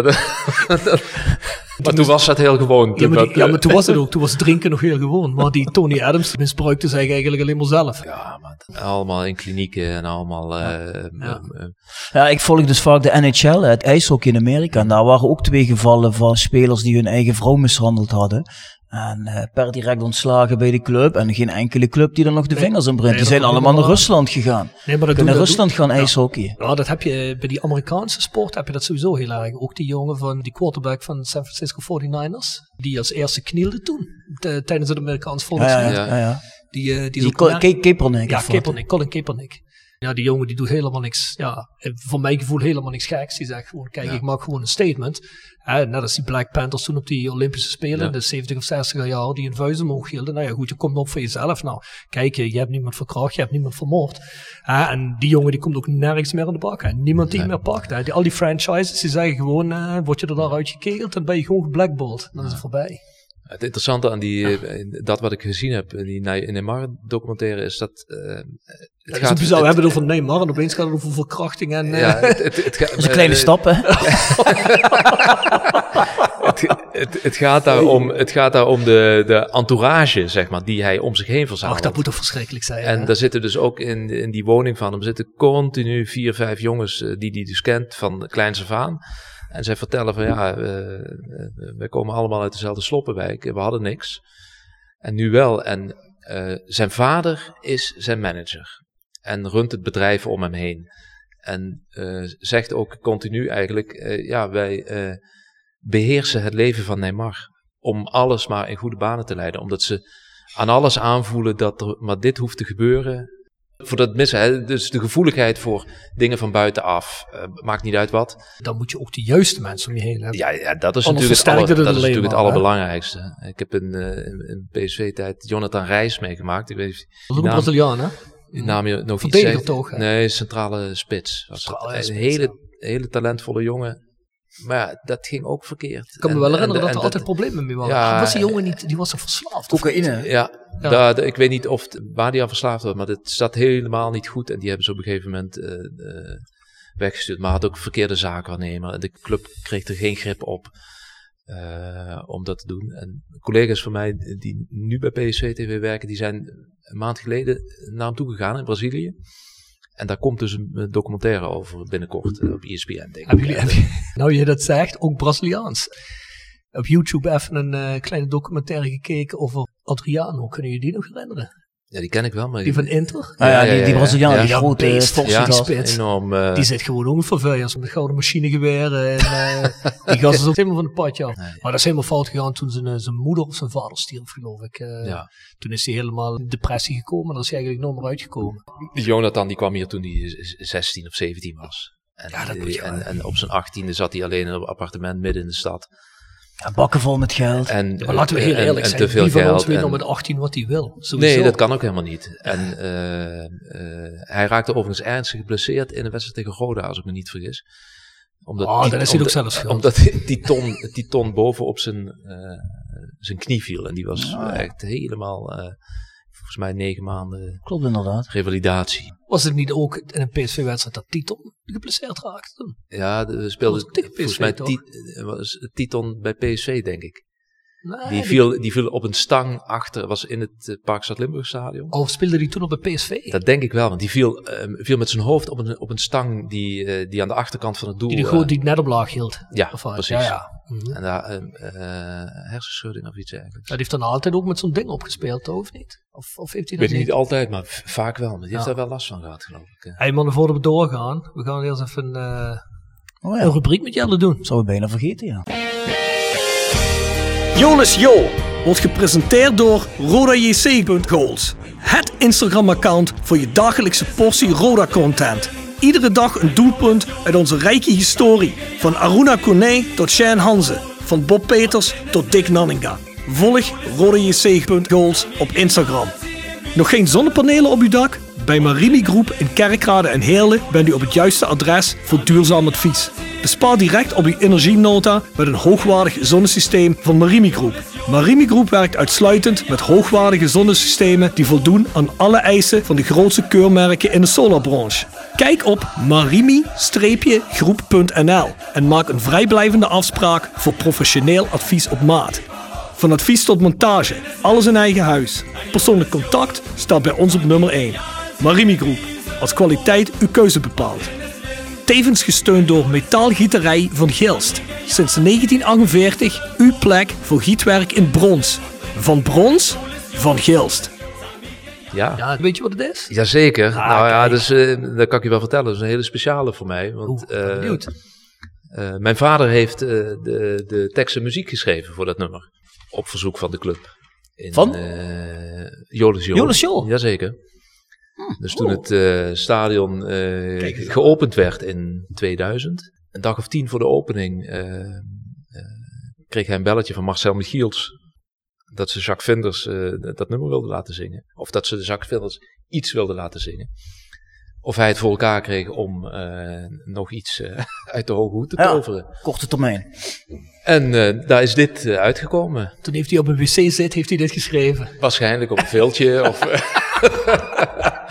en is met, eh, met, met Vinders de studio ingedoken. En hebben ze dit... eh, nou ja, goed. Jullie kennen de tekst. eh, Nou ja, Nou, dus in ieder geval... Is wel, Dus dat is in een ieder geval- speciale. En, Ja, dat is in ieder geval wel een rode song. Ik denk dat iedereen hem wel kent. zeker. Ja, dat denk ik ook. Dat denk ik ook. Heb je een memorabele goal? Ja, kijk, t- toen ik vrienden van mij vroeg van, eh, help eens even mee, wat, denk eens even mee. Dan er kwam van alles voorbij, Pamadouka en die omhalen en Mark Luipers tegen Milaan en doelpunten van John Eriksen werden geroepen en eh, Dick, Dick Nanninga. En uiteindelijk kwam ik uit eh, bij eh, een doelpunt van Hans Kremer. Hans Kremer. Wie, wie was dat ook alweer? Ja, Jelle, kijk niet naar mij. Ik ben 29. Ik zou het je echt niet kunnen zeggen. Ik ken Hans Kremer nog wel. Nee, eh, Hans Kremer scoorde in een wedstrijd van Roda tegen Groningen in 1982. Roda won met 5-1. Nou, daar hoop, ik- daar hoop ik toch dat eh En, Ivo die en heeft. eh, eh, ik, ik mag aannemen dat Ivo Kous eh, nu in zijn archief duikt. Doet hij meteen, ja. Groningen 82. In 1982. Thuis? Ja, 5-1. thuis. 5-1. Eh, Hans Kremer maakte een eh, eh, geweldig doelpunt, doelpunt. In mijn beleving, ik ben benieuwd, maar ik heb hem nooit meer teruggezien. Aanname op de borst, op een meter of twintig, uithalen in de bovenhoek. En ik heb toevallig even zitten kijken of dat klopte met die wedstrijd. Eh, toen bleek dat het ook de eerste wedstrijd was met shirtreclame. Oké, Voor het eerst. Clark Jeans hadden, Clark ze, Jeans, eh, ja. hadden ze op een eh, shirt. schitterend shirt trouwens. En ik, ik kies voor die goal omdat er voor mij persoonlijk nog een eh, grappig tintje aan zit. Je had destijds het programma Avro Sport Panorama. En die hadden het doelpunt van de week of van de maand of iets dergelijks. En eh, daar werd dat doelpunt verkozen tot eh, doelpunt Ja? van de maand. En er stond een grote bak met eh, postkaarten, want dan moest je, kon je een briefkaart in Ik voel hem aankomen. en er kwam een envelop, dus geen briefkaart, maar een envelop met zo'n met zo'n geel memo-stickertje. en daar werd mijn naam en adres voorgelezen. En daar ontving ik een, daar won ik een bal. Nou ja, dat, Wat voor bal was dat? Was dat een tango? Eh, eh, dat, eh, het was in ieder geval een leren bal. Volgens mij is het geen tango, maar met zeg maar, traditionele eh, zwart-witte Ja, ja, ja. eh, vlakken erop. Die heeft het heel lang gedaan. Eh, ik denk dat het een jaar of tien was toen, eh, toen dat... eh, Mocht eh, eh, Ivo Kous er nou niet in slagen eh, Nou? om dit fragment boven water te toveren, dan... Je wil een reserve op. nou ja, kijk, als we dan toch bezig zijn. eh, in diezelfde periode won Roda een keer van Feyenoord met eh, 4-1 En geloof dan ga je ik. nog een obscuurdere ga je aangeven. Nee, nee, nee, nee, maar daar zat een geweldige goal van René Hofman bij. Vanaf de achterlijn bijna. En eh Bjorn, misschien voor jou wat, wat jonger, eh, omdat jij wat jonger bent. in- Dankjewel, Jelle. eh, Dankjewel. rec- recenter doelpunt. eh, Ga je er een noemen van Afdijay of zo? Want dat Nee, is nee, het nee, verste nee. wat hij terug Laat die man Nee. even uitpraten. Hij is, goed, hij is goed bezig. Dan moet je hem ook even ruimte geven. Nee, dan zou ik Erik van der Leur in de halve finale van de beker tegen Utrecht uit in de sneeuw. Ja. Eh, een stift vanaf een meter of 15, of ik weet niet of het een stift was, maar het was in ieder geval een boogbal. Winnende treffer. Dan gaat mij niet direct een belletje rinken. Oh. Heb jij hem op het Dat is netvlies niet zo heel lang geleden, toch? Nee, ik heb hem ook niet op het netvlies. Al is het maar een eh, eerbetoon aan de clubicoon. Ah, eh. precies, precies. Maar ja, ik Ah, denk goed. dat eh, Bjorn, die kan zich niet veel meer terug herinneren dan 2006, 2007. Dus Ja, 2002 is kan dat niet zo lang wel. fan, Jelle? Bjorn ging er eerst altijd op Fortuna kijken. Dus. Oh, oh, dat zijn wel hele forse beschuldigingen. ja, daar laat ik me niet aanpraten. Dat is maar de last. Dat, toen dat is een strafbaar feit. Toen Fortuna Europees speelde in de midden jaren 80, daar gingen we daar ook kijken. Ja, daar, Ja? heb, ik, daar Toen- heb ik mezelf toen- ook schuldig aan gemaakt. Jelle, die begint... En Oh. toen, toen het duo, toen het duo eh, eh, Nanninga Vermeulen bij MVV speelde, gingen we daar ook eh, in de oude Geus of nog wel eens een kijkje, wa- een kijkje nemen. Ik heb dat al eens gezegd. Ik ben bij die kwartfinale wedstrijd Fortuna Sittard Everton geweest. Ja. Stond ik, jij naakt op dat hek? Wat zei jij? Stond jij naakt op dat hek? Er Nee, stond- klom, godsnaam. klom, klom een man over het, over Nee, het hek heen. Dus, Toen was ik ook nog geen Oh. man. Nee. Dus, Ik snap dat je het verband legt.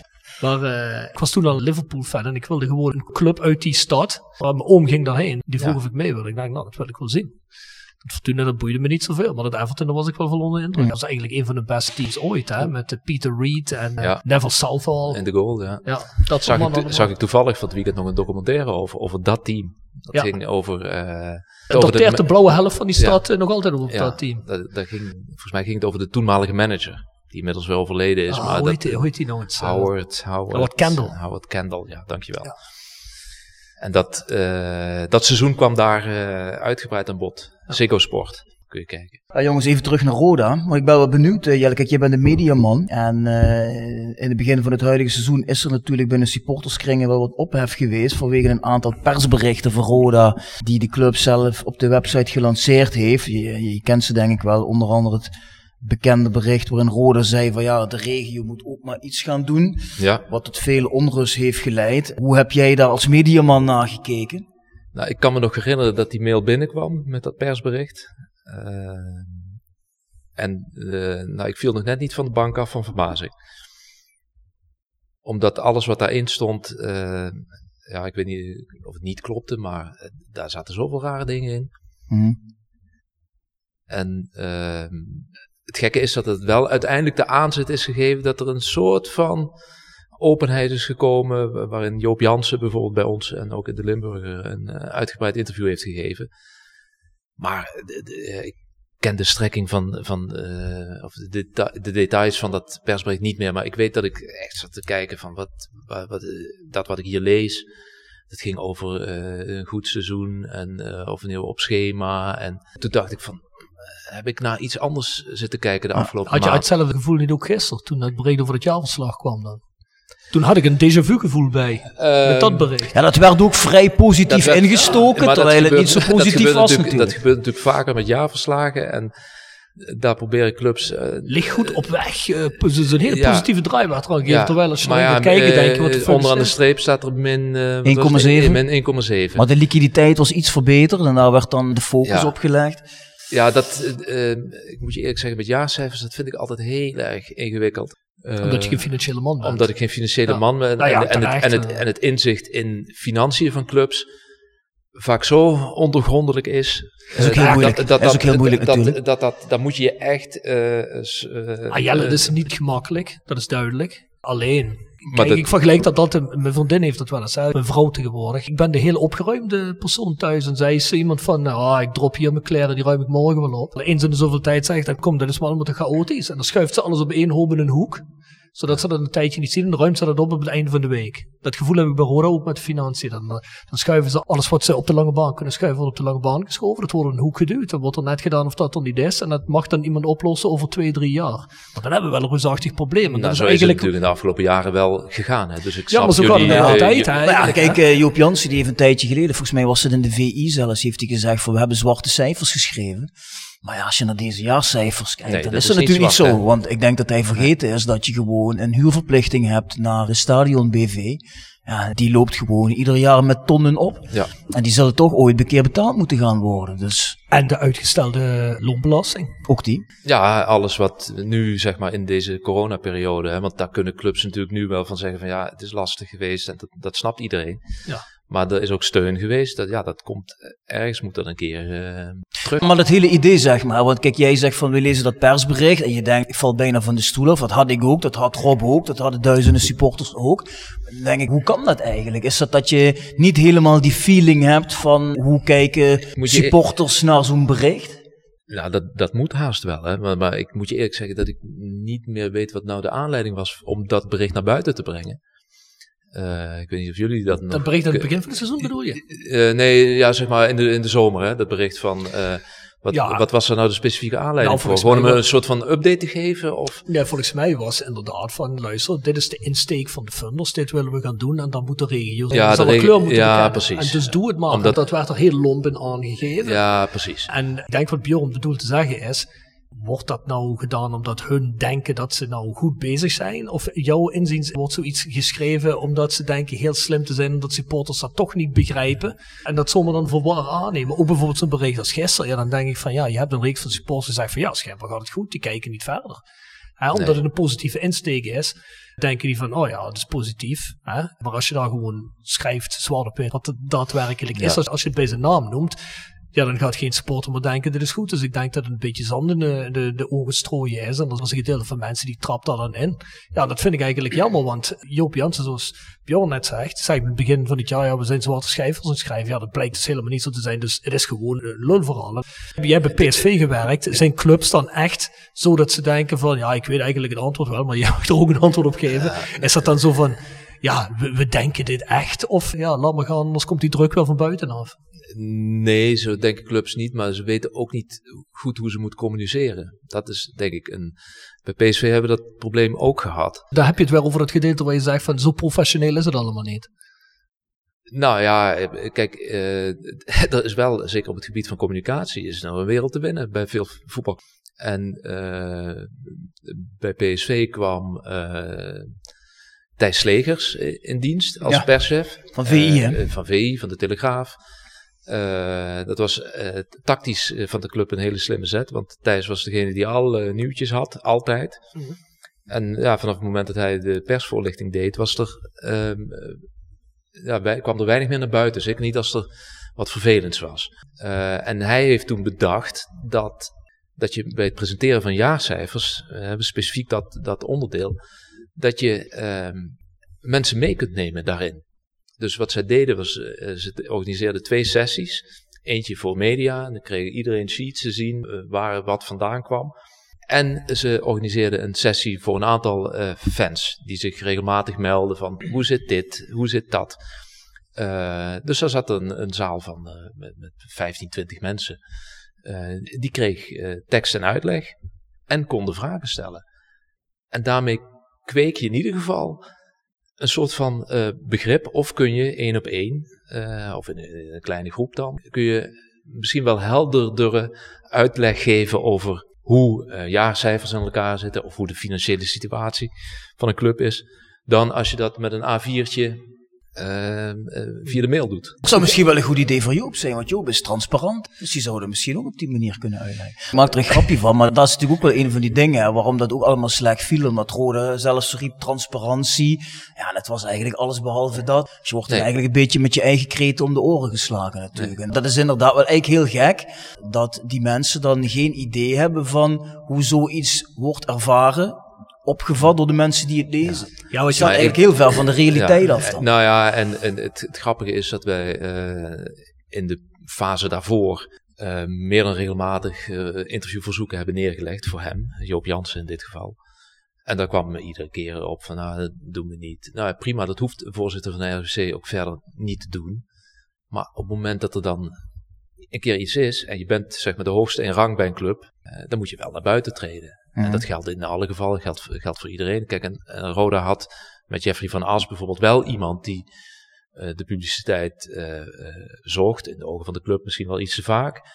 Maar die was wel bereikbaar, aanspreekbaar en ja of nee. En of, of kan ik niks over zeggen, want dat ja. kan ook een antwoord zijn. Ja, natuurlijk. Ja, weet je, dat is wat je nu ziet bij Jordans Peters. Die heeft dat wel. En dat is wel een aanspreekpunt. Dus als je Peters een berichtje stuurt of belt, dan krijg je antwoord. En dat is wel belangrijk. En wat ik wilde zeggen met betrekking tot mensenraad van commissarissen en dergelijke, niet alleen bij Roda hoor, maar dat zie je bij veel voetbalclubs in de top van, van het bedrijf, zeg maar. Hè, want een voetbalclub is een bedrijf. Het zijn allemaal mensen die supporter zijn van de club, Ehm, mensen die eh, in het bedrijfsleven zitten op een of andere manier. En die allemaal, allemaal stuk voor stuk zeggen van, goh, het leiden van een voetbalclub zegt, dat eh, is toch wel, eh, dat, daar komt toch wel veel meer bij kijken. Is toch anders dan een bedrijf wat ik zelf leid. Ik dacht dat ik dat wel erbij kon doen. Ik heb het Wim Collard hier horen mm, zeggen, mm. volgens mij in jullie podcast. Er zit een soort van uh, uh, naïviteit in op het moment dat mensen uh, dat soort functies uh, voorgelegd krijgen. Van zou je dat willen doen? Zou je voorzitter van de Ja, dat, dat, dat, ben ik met je eens. Maar ik denk ook af en toe wel een stukje arrogantie. Want er zitten natuurlijk ook een aantal mensen bij die heel succesvol zijn in het bedrijfsleven. En die zeggen in hun bedrijf zo, ik vind dat het zo moet. En jij doet dat zo en anders ja, lig je dat, eruit. En dat, maar ja, maar, dat kun je bij een voetbalclub niet doen. Een natuurlijk. voetbalclub is zo ontzettend anders. Hè? En er is uh, terecht, denk ik, veel lof over Frits Schroef wat hij allemaal gedaan heeft om de club overeind te houden. Maar Frits Stoef heeft ook gewoon aantoonbaar fouten gemaakt. Die heeft ook gewoon uh, gezegd, uh, die zei daar over Ton Kane van ja, wat is hij allemaal aan het doen? Dat kan helemaal niet. En dan kwam Ton Kane binnen en dan zei hij, oh heb je, oh ja, dan, dan doe maar. Ja, ja, ja, snap je? Dus dat, dat, uh, dat maakt het zo ingewikkeld en zo complex ook. Nee, maar weet je wat ik gewoon niet begrijp? We horen zeggen ze altijd van, ja, maar we zijn fans, we hebben het beste om je voor. Oké, okay, dan communiceer je helemaal fout. Laten we dat aannemen. Dat je helemaal fout communiceert in het begin van het seizoen. Mm -hmm. uh, of in het begin van het eerste seizoen. Je legt van alles neer. Uh, je, je eist van alles. Je voelt de situatie niet aan. Nou, dan heb je op een gegeven moment door, oké, okay, dat zijn we niet goed in doen. En als je dan de beste bedoelingen hebt met zo'n club, dan zeg je van ja, oké, okay, dat doen we anders. Misschien geven we dan een beetje tekst en uitleg wat we wel bedoelen. En dan gaan, we, het, gaan we het anders aanpakken en een ander vaatje tappen. Maar dat merk ik eigenlijk ook helemaal niet. Dan begin ik me dus af te vragen, heb je dan eigenlijk wel de beste bedoeling? Of zit je er voor jezelf? Kijk, het gaat maar niet om dat er een hele grote conspiracy is die eromheen zit. Maar misschien zit er gewoon iemand die gewoon te veel ego heeft om toe te geven dat hij fout zit. Daar ben ik niet mee geholpen, is club niet mee geholpen, is niemand mee geholpen. Alleen die persoon zelf die daar zit en niet wil toegeven dat hij gewoon hè, een stapje terug moet maken. Of misschien moet toegeven dat hij fout maakt omdat hij dat niet gewend is. Dat hoeft hij op zijn werk ook niet, want ik ben overal directeur geweest en ik maak geen fouten. Dat vind ik een kwalijke zaak, want kijk... Uh, Als dat zo is, dan is dat inderdaad een kwalijke nee, zeker, zaak. En, maar, maar, je, ik snap wel dat je dat gevoel krijgt hoor, dat, dat, omdat er geen, er is geen zicht op wat daar allemaal gebeurt. En Um, kijk, nu met Joris Peters uh, is er in ieder geval een algemeen directeur die zich bezighoudt en die naar buiten treedt en uh, die dat gedeelte op moet pakken, maar die moet veel troep opruimen, heb ik het idee. Ja, uh, Zeker weten. En, ja. um, maar ook hij zal binnen afzienbare termijn iets moeten gaan vertellen, of een soort van plan moeten, ja. moeten presenteren. Om mensen over de streep te trekken. Om uh, ja, duidelijkheid te verschaffen waar de ambities liggen uh, van, de, van de club. Maar van de andere kant, als je naar die, die RVC kijkt bijvoorbeeld, daar is nog steeds geen technische man op de plek van René Trost. Er zijn maar nog twee mensen over van de vijf. Ja, en ik denk dat in een voetbalclub dat je altijd een technische man nodig hebt in een RVC, omdat... Vind je het niet gek dat zo'n man als René Tros, die een clubman is, die daar zit, dat die uiteindelijk is vertrokken uit zo'n RVC, omdat hij zich eigenlijk niet gehoord voelt, tekort gedaan voelt, maar daar wordt vervolgens ook niks mee gedaan. De rest van die RVC is natuurlijk ook weggelopen omdat ze het niet meer zagen zitten. Zelfs een compliance officer. Het is ja. toch wel een hele aparte situatie dat, dat daar niks mee gedaan wordt. Dat, dat is ook zo. Kijk, in het geval van René Tros, die is dat nog binnen de club gebleven omdat hij onder 18 ja, is gaan trainen, geloof ik. Maar dat is natuurlijk raar. Dat is gewoon gek. En dan kan ik me voorstellen dat je, uh, en ik kan er geen vinger achter krijgen hoor, hoe dat dan precies zit, maar dat je denkt van hé, hey, uh, daar zitten mensen die zitten daar met een ego en willen niet toegeven dat ze fouten maken. En... Laat ik je een vraag stellen. Wanneer vind jij dat zo'n Joop Jansen of bijvoorbeeld een funder, vind jij één überhaupt dat die tekst en uitleg moeten geven? En als je dat vindt, wanneer komt zo'n punt dat iemand tekst en uitleg moet geven? Neem bijvoorbeeld nou de situatie van Rode de afgelopen jaar. Ja, nou, funders hoeven wat mij betreft niet per se tekst en uitleg te geven, maar moeten wel duidelijk zijn in wat ze doen. Zeg maar, dat, dat hoef je maar één keer te doen, dat is bij zeg maar, een presentatie. Maar binnen zo'n RVC, ja, daar zit wel wat meer. Daar mag, daar mag wel wat meer eh, naar buiten toe. Gewoon om je publiek te, eh, Mm. eh, Informeren. te, te informeren. Ja, dankjewel.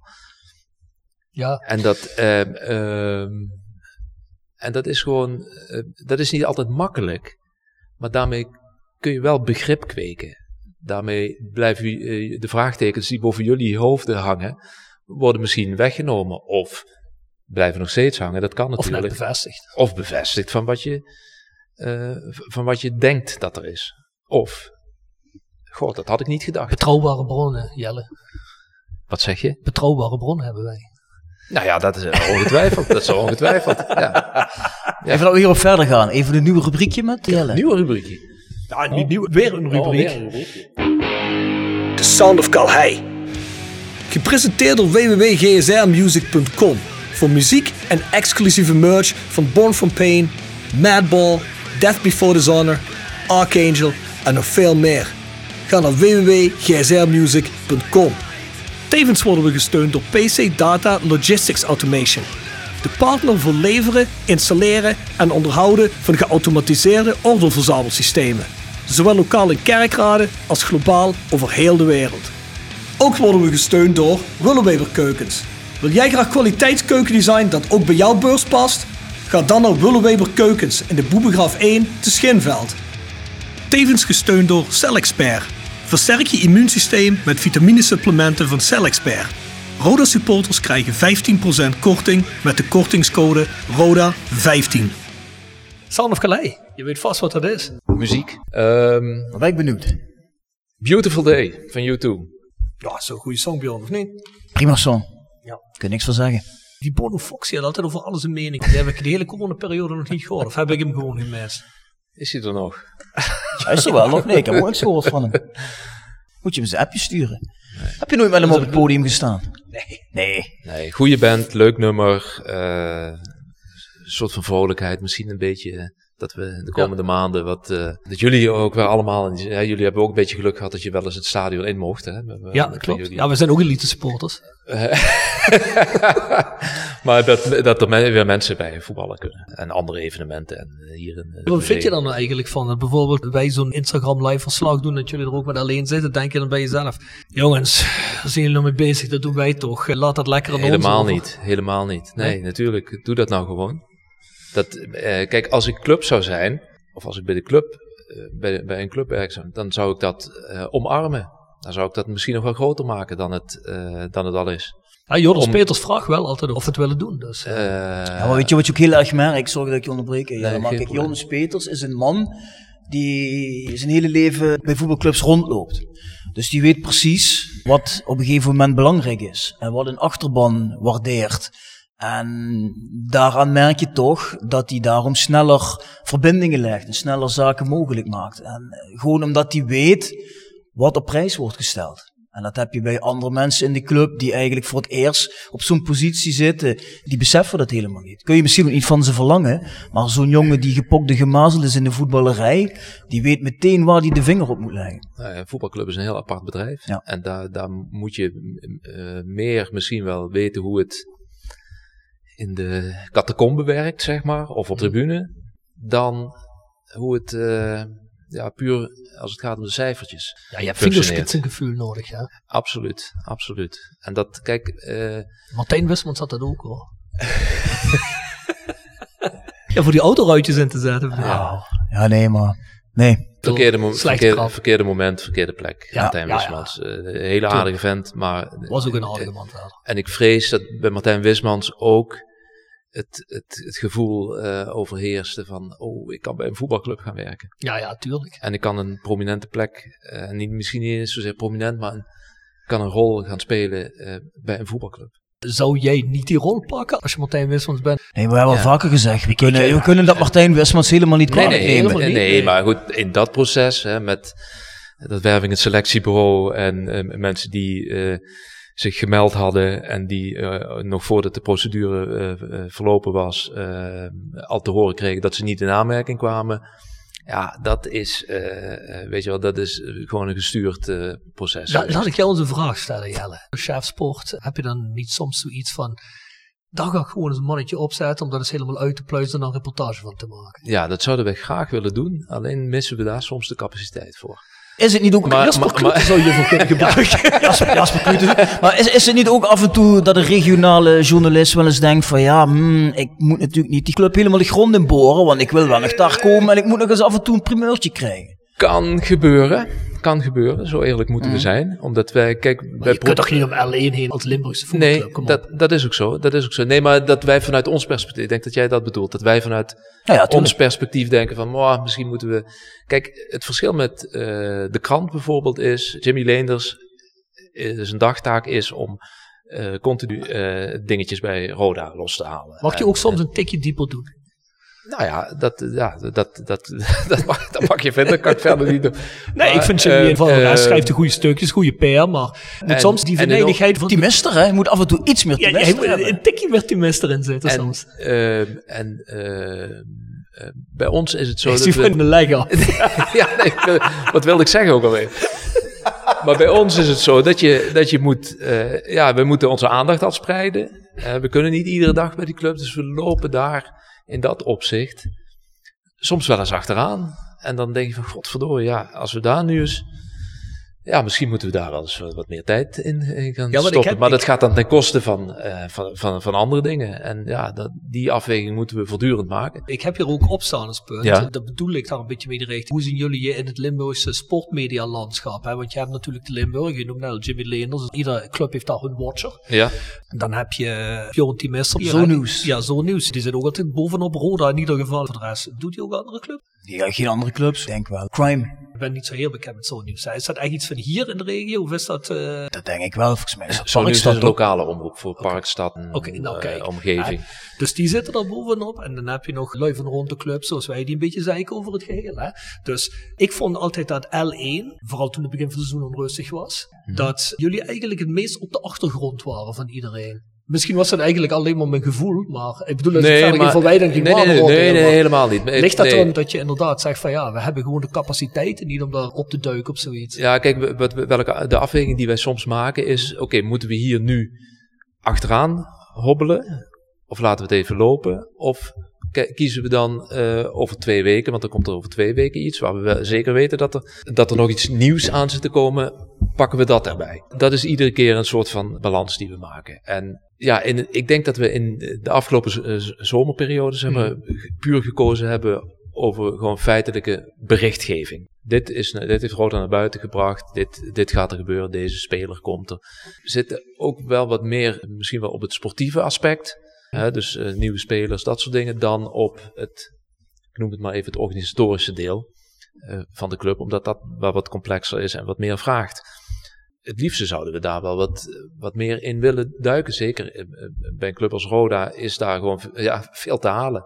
Van de andere kant horen we ook vaak dingen waarvan we denken van ja, oké, moeten we dit ook? Moeten we deze scheet ook brengen? Of zullen we dit eens even parkeren? Want we proberen wel de, ja, een beetje de, de houvast te houden dat het, eh, dat het glas half vol is. Ja, dat klinkt heel... eh, Nee, dat eh, begrijp Ja, ik snap Ja, wel wat je bedoelt. Ja, dat is natuurlijk een persoonlijk afwikkeling. Bjorn Timester zit natuurlijk heel kort op. En eigenlijk Ja. alles wat hij Ja. hoort, brengt hij. Ja. Ja, jullie denken Ja. misschien van ja, Ja. ik hoef niet iedere strijd Nee, aan te gaan. Ja, ik, ik pak er twee van de tien of zo. Die? Messer is heel Ja. erg van, ik wil nu als eerste zijn. Ja, en hij is een die die enorme, hij is een enorme nieuwsjager. Dat zijn wij niet. Precies, ja, ieder En zijn dat, dingen eh, natuurlijk. Ja, maar dat- je hebt een nummer, hè? gewoon even appen. Als je zelf zegt, doe me niet. Bij ons is het glas, het ligt al Kijk, helemaal je- eraan hoeveel het eh, glas is. Ja, nee, maar je hoeft ons ook niet veel te betalen. Dan gaan wij dat wel uitzoeken. Dus eh, Oké. ik denk tien rooitjes per Oh. projectje. Hè, doen wij het wel voor. Oh hè. ja, ja, nee, is Oh, goed. dan draaien we de hand Rekeningetje. niet, dan draaien we de hand niet voor om. Rekeningetje hier, Ah, rekeningetje daar. is Hey, nee, maar je zegt, wij willen liever het glas half vol houden, begrijp ik. Wij hebben natuurlijk het begin van het seizoen op een gegeven moment, omdat wij ja, de eerste 7, 8 afleveringen van het seizoen en ook in de zomer al hadden we een, eh, hier en daar een specialtje ertussen. Toen gebeurde er natuurlijk eigenlijk bijna op dagelijks frequentie gebeurt er nog van alles bij Roda. Uit verschillende hoeken hebben we het voorbij gekregen. Het glas is bij jullie al helemaal niet meer vol op het moment, weet je wel. Niet, niet eens maar half. Onruststokers. Ja, kijk, Ja, ik, maar ik, dat- ik- nee, maar daarmee wil ik zeggen, ik begrijp dat best wel, omdat wij op een gegeven moment ook tegen elkaar hebben gezegd, nou, kijk, we hebben die mening, maar volgens mij is het publiek op een moment heel even verzadigd met deze berichten. Het publiek heeft het nu gehoord. We gaan er natuurlijk altijd wel op door, maar ja, je wil ook niet alleen maar te boek staan als, als, als de brenger van onheil, weet je wel. Nee, maar eh, kijk, als het zo is, dan is het zo. En zeker als je het zeker weet, ja, dan uh, Ja. moet, je, eh, moet je het wel of niet brengen. En jullie zijn ook, zeg maar, eh, supporters. Die, eh, die het echt aan het hart gaat op het moment dat je voelt, ruikt en, en weet dat er Je iets bedoelt, niet je bedoelt dat we altijd een excuus hebben om het eruit te gooien. Nee, nee, nee, maar dat, en dat bedoelde ik helemaal het begin eh, van de opname Mhm. met een soort van puurheid.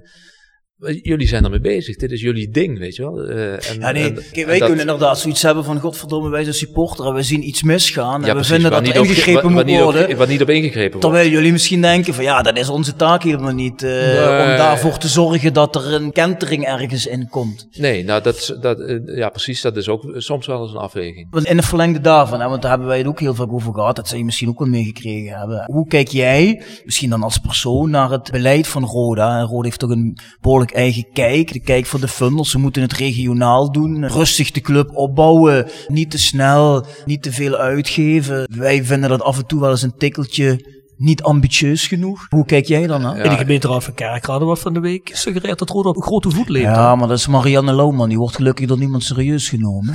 Kijk, wij wel daarentegen. Kijk, dat, dat, Jullie dat, ook de is- raadsvergaderingen, begrijp ik. Hij wel, hij heeft tijd genoeg. Hij, heeft, hij, is, net, hij is net vader geworden, hij heeft nog altijd alle tijd van de wereld. Van harte. Hij Ja, heeft een dankjewel. vrouw met een hart van goud, die Ja, ja. alles voor hem overneemt. Ja, mag gezegd Oh, je moet eens weten, jij. Nee, maar degene die dat tussen de appgroep zetten van de week was Bjorn, niet, niet die mister, maar die Bjorn tegenover mij. Ja. En ik moest erom lachen, want dan heb je dus helemaal geen idee waar je het over hebt als je denkt dat Roda op grote voet leeft. dat kan helemaal niet, denk ik. Dat Nee, niet, maar ja, de SP ligt daarin altijd dwars. En het is ook wel goed voor het stukje balans misschien, dat die er zijn, zodat Ja, je ja, helemaal zeker. doorslaat. Dat snap ik ook allemaal wel. Maar ik bedoel, de discussie is in ieder geval een fundamentele van, nou goed, eh, moet het zo, of zou er wat meer risico genomen moeten worden? Mm. Zeker als je, ik noem ze dan eigenaren, sponsoren, maakt me niet uit hoe je het noemt hebt, die misschien goed zijn voor een miljard euro. Ja, maar je mag nooit eh, eh, van iemand ver- verwachten hoe veel geld dat hij ook heeft, dat hij ook eh, daar dan meer in stopt eh, dan dat hij eh, af heeft gesproken om in te nou, dat ben ik met je eens, maar ik vind wel als je blind van uitgaan. Nee, maar ik, ik vind wel dat ik als supporter, als iemand zegt, nou, ik neem jouw club over, althans wij zijn de Phoenix groepen, wij gaan het allemaal regelen, dan mag ik als supporter wel, vind ik verlangen dat je dan ook probeert om sportief het maximale eruit te halen. Ja. Want als je dat niet wil, dan moet je misschien zeggen, ja, dan doen wij het niet, eh, laten we het iemand anders doen die dat misschien wel wil. Ik vind wel dat ik als supporter mag zeggen van ja, wat gaan we nou doen? Want ik wil graag naar de eredivisie. Ik vind wel dat ik van een eigenaar daar een bepaalde inspanning, een plan mag verlangen om dat te bereiken. En jij verwacht dat die eigenaar zegt van, ik wil ook graag naar de Eredivisie, dat hij dat uitspreekt ook. Ik vind anders moet je een andere hobby zoeken, zou ik zeggen. Sport gaat toch gewoon om resultaten winnen. Sport Ik gaat presteren. Dus als het gaat alleen maar om de Olympische gedachten, dan kunnen we ook allemaal een amateurvereniging zijn, toch? Nee, dat, en dat is in dit geval eh, niet de bedoeling. Want Nee, dat is niet de ik bedoeling. denk dat eh, trainers en spelers ook het liefst zo snel mogelijk die Eredivisie in willen. Ja, weet je, ik denk wel dat die eh funders op de achtergrond echt wel hun stappen aanpassen aan wat ze zien. En ze kunnen niet ontkennen dat bijvoorbeeld zoals de afgelopen eh, weken gevoetbald wordt, waar we het begin eh, over hadden, dat dat perspectief biedt. Alleen betwijfel ik of zij blind, zeg maar, op basis van drie wedstrijden of tien wedstrijden, zeggen van oké, maar dan gaan we in de winterstop. Dat hebben ze niet gedaan, maar dat ze zo'n moment kiezen om tussentijds te zeggen van oké, hebben we een centrale verdediger nodig of hebben we een spits nodig? Dan lappen we nog even bij. Ik denk dat zij zo niet in elkaar zitten. Nee, maar dat om- blijkt ook wel. Alleen moet je wel, en dat, en dat komt dan misschien wel met, eh, wat, wat kunnen die mensen nou een keer vertellen? Ga wel aan het einde van dit seizoen zeggen van, hé, hey, hier staan we en dit willen we graag. En de geluiden dat zij eh, op de achtergrond bezig zijn met een verlenging van het plan, zeg maar, die worden toch wel steeds hardnekkiger. Daar wil ik ook eigenlijk net heen met je toen ik dat vroeg. Wanneer moet je uitleg gaan geven? Want ik vind wel. Zitten we op twee derde van de periode dat zij... eh, Iets over de helft, hè? Ja, we Iets zitten, over de helft. Op Ah, het einde van het seizoen zitten we op twee derde. Nou, dan, dan, dan zou ik hun adviseren om, eh, om wel eh, een keer te vertellen welke kant dat het opgaat. Kijk, wat nu met dat jaarverslag alweer. Hè? Ja, jongens, ik vind dit niet getuigen van. Nu zien we een duidelijke richting. Nee, helemaal niet, want de, de- onderaan de streep staat min Dus, uh, en of dat nou... Nee, precies. Maar kijk, je weet dus nu al, er staat ook in dat jaarverslag dat komend seizoen de Phoenix Groep fors minder gaat doen. Ik dacht dat het 5 ton was. Bart opperde in de voice court dat het mogelijk zelfs een miljoen minder zou zijn, hè, die bijdrage voor komend seizoen. Dus je weet nu al... En zou dat, zou dat al gepland zijn zo? Of is dat iets wat nu... Nee, volgens mij was het zo dat ze zouden ieder jaar anderhalf miljoen doen. En ik heb begrepen dat ze in het eerste seizoen hebben ze niet anderhalf miljoen gedaan, maar om een vliegende start te geven hebben ze 2 miljoen gedaan. En dat middelseizoen anderhalf. En het zou komend seizoen nog maar 1 miljoen zijn. Dus je weet nu al dat je komend seizoen ten opzichte van het huidige seizoen 5 ton minder gaat krijgen. Nou ja, en je weet dat de recettes en de sponsoring natuurlijk tegenvalt. Dus komend seizoen gaat per definitie, wat dat betreft, ga je ook niet om de eerste twee plekken voetballen. en dan zijn dadelijk naar beneden gaat. Nee, en dan zijn dadelijk spelersbudget. Nee, en ik denk dat ze Benji Bouchouari gaan verkopen om dat weer recht te trekken. Maar ja, dan ben je dus dadelijk en Patrick Fluke kwijt en Benji Bouchouari kwijt en je bent nog steeds maar een subtopper in de KKD. En dan zijn er drie seizoenen voorbij.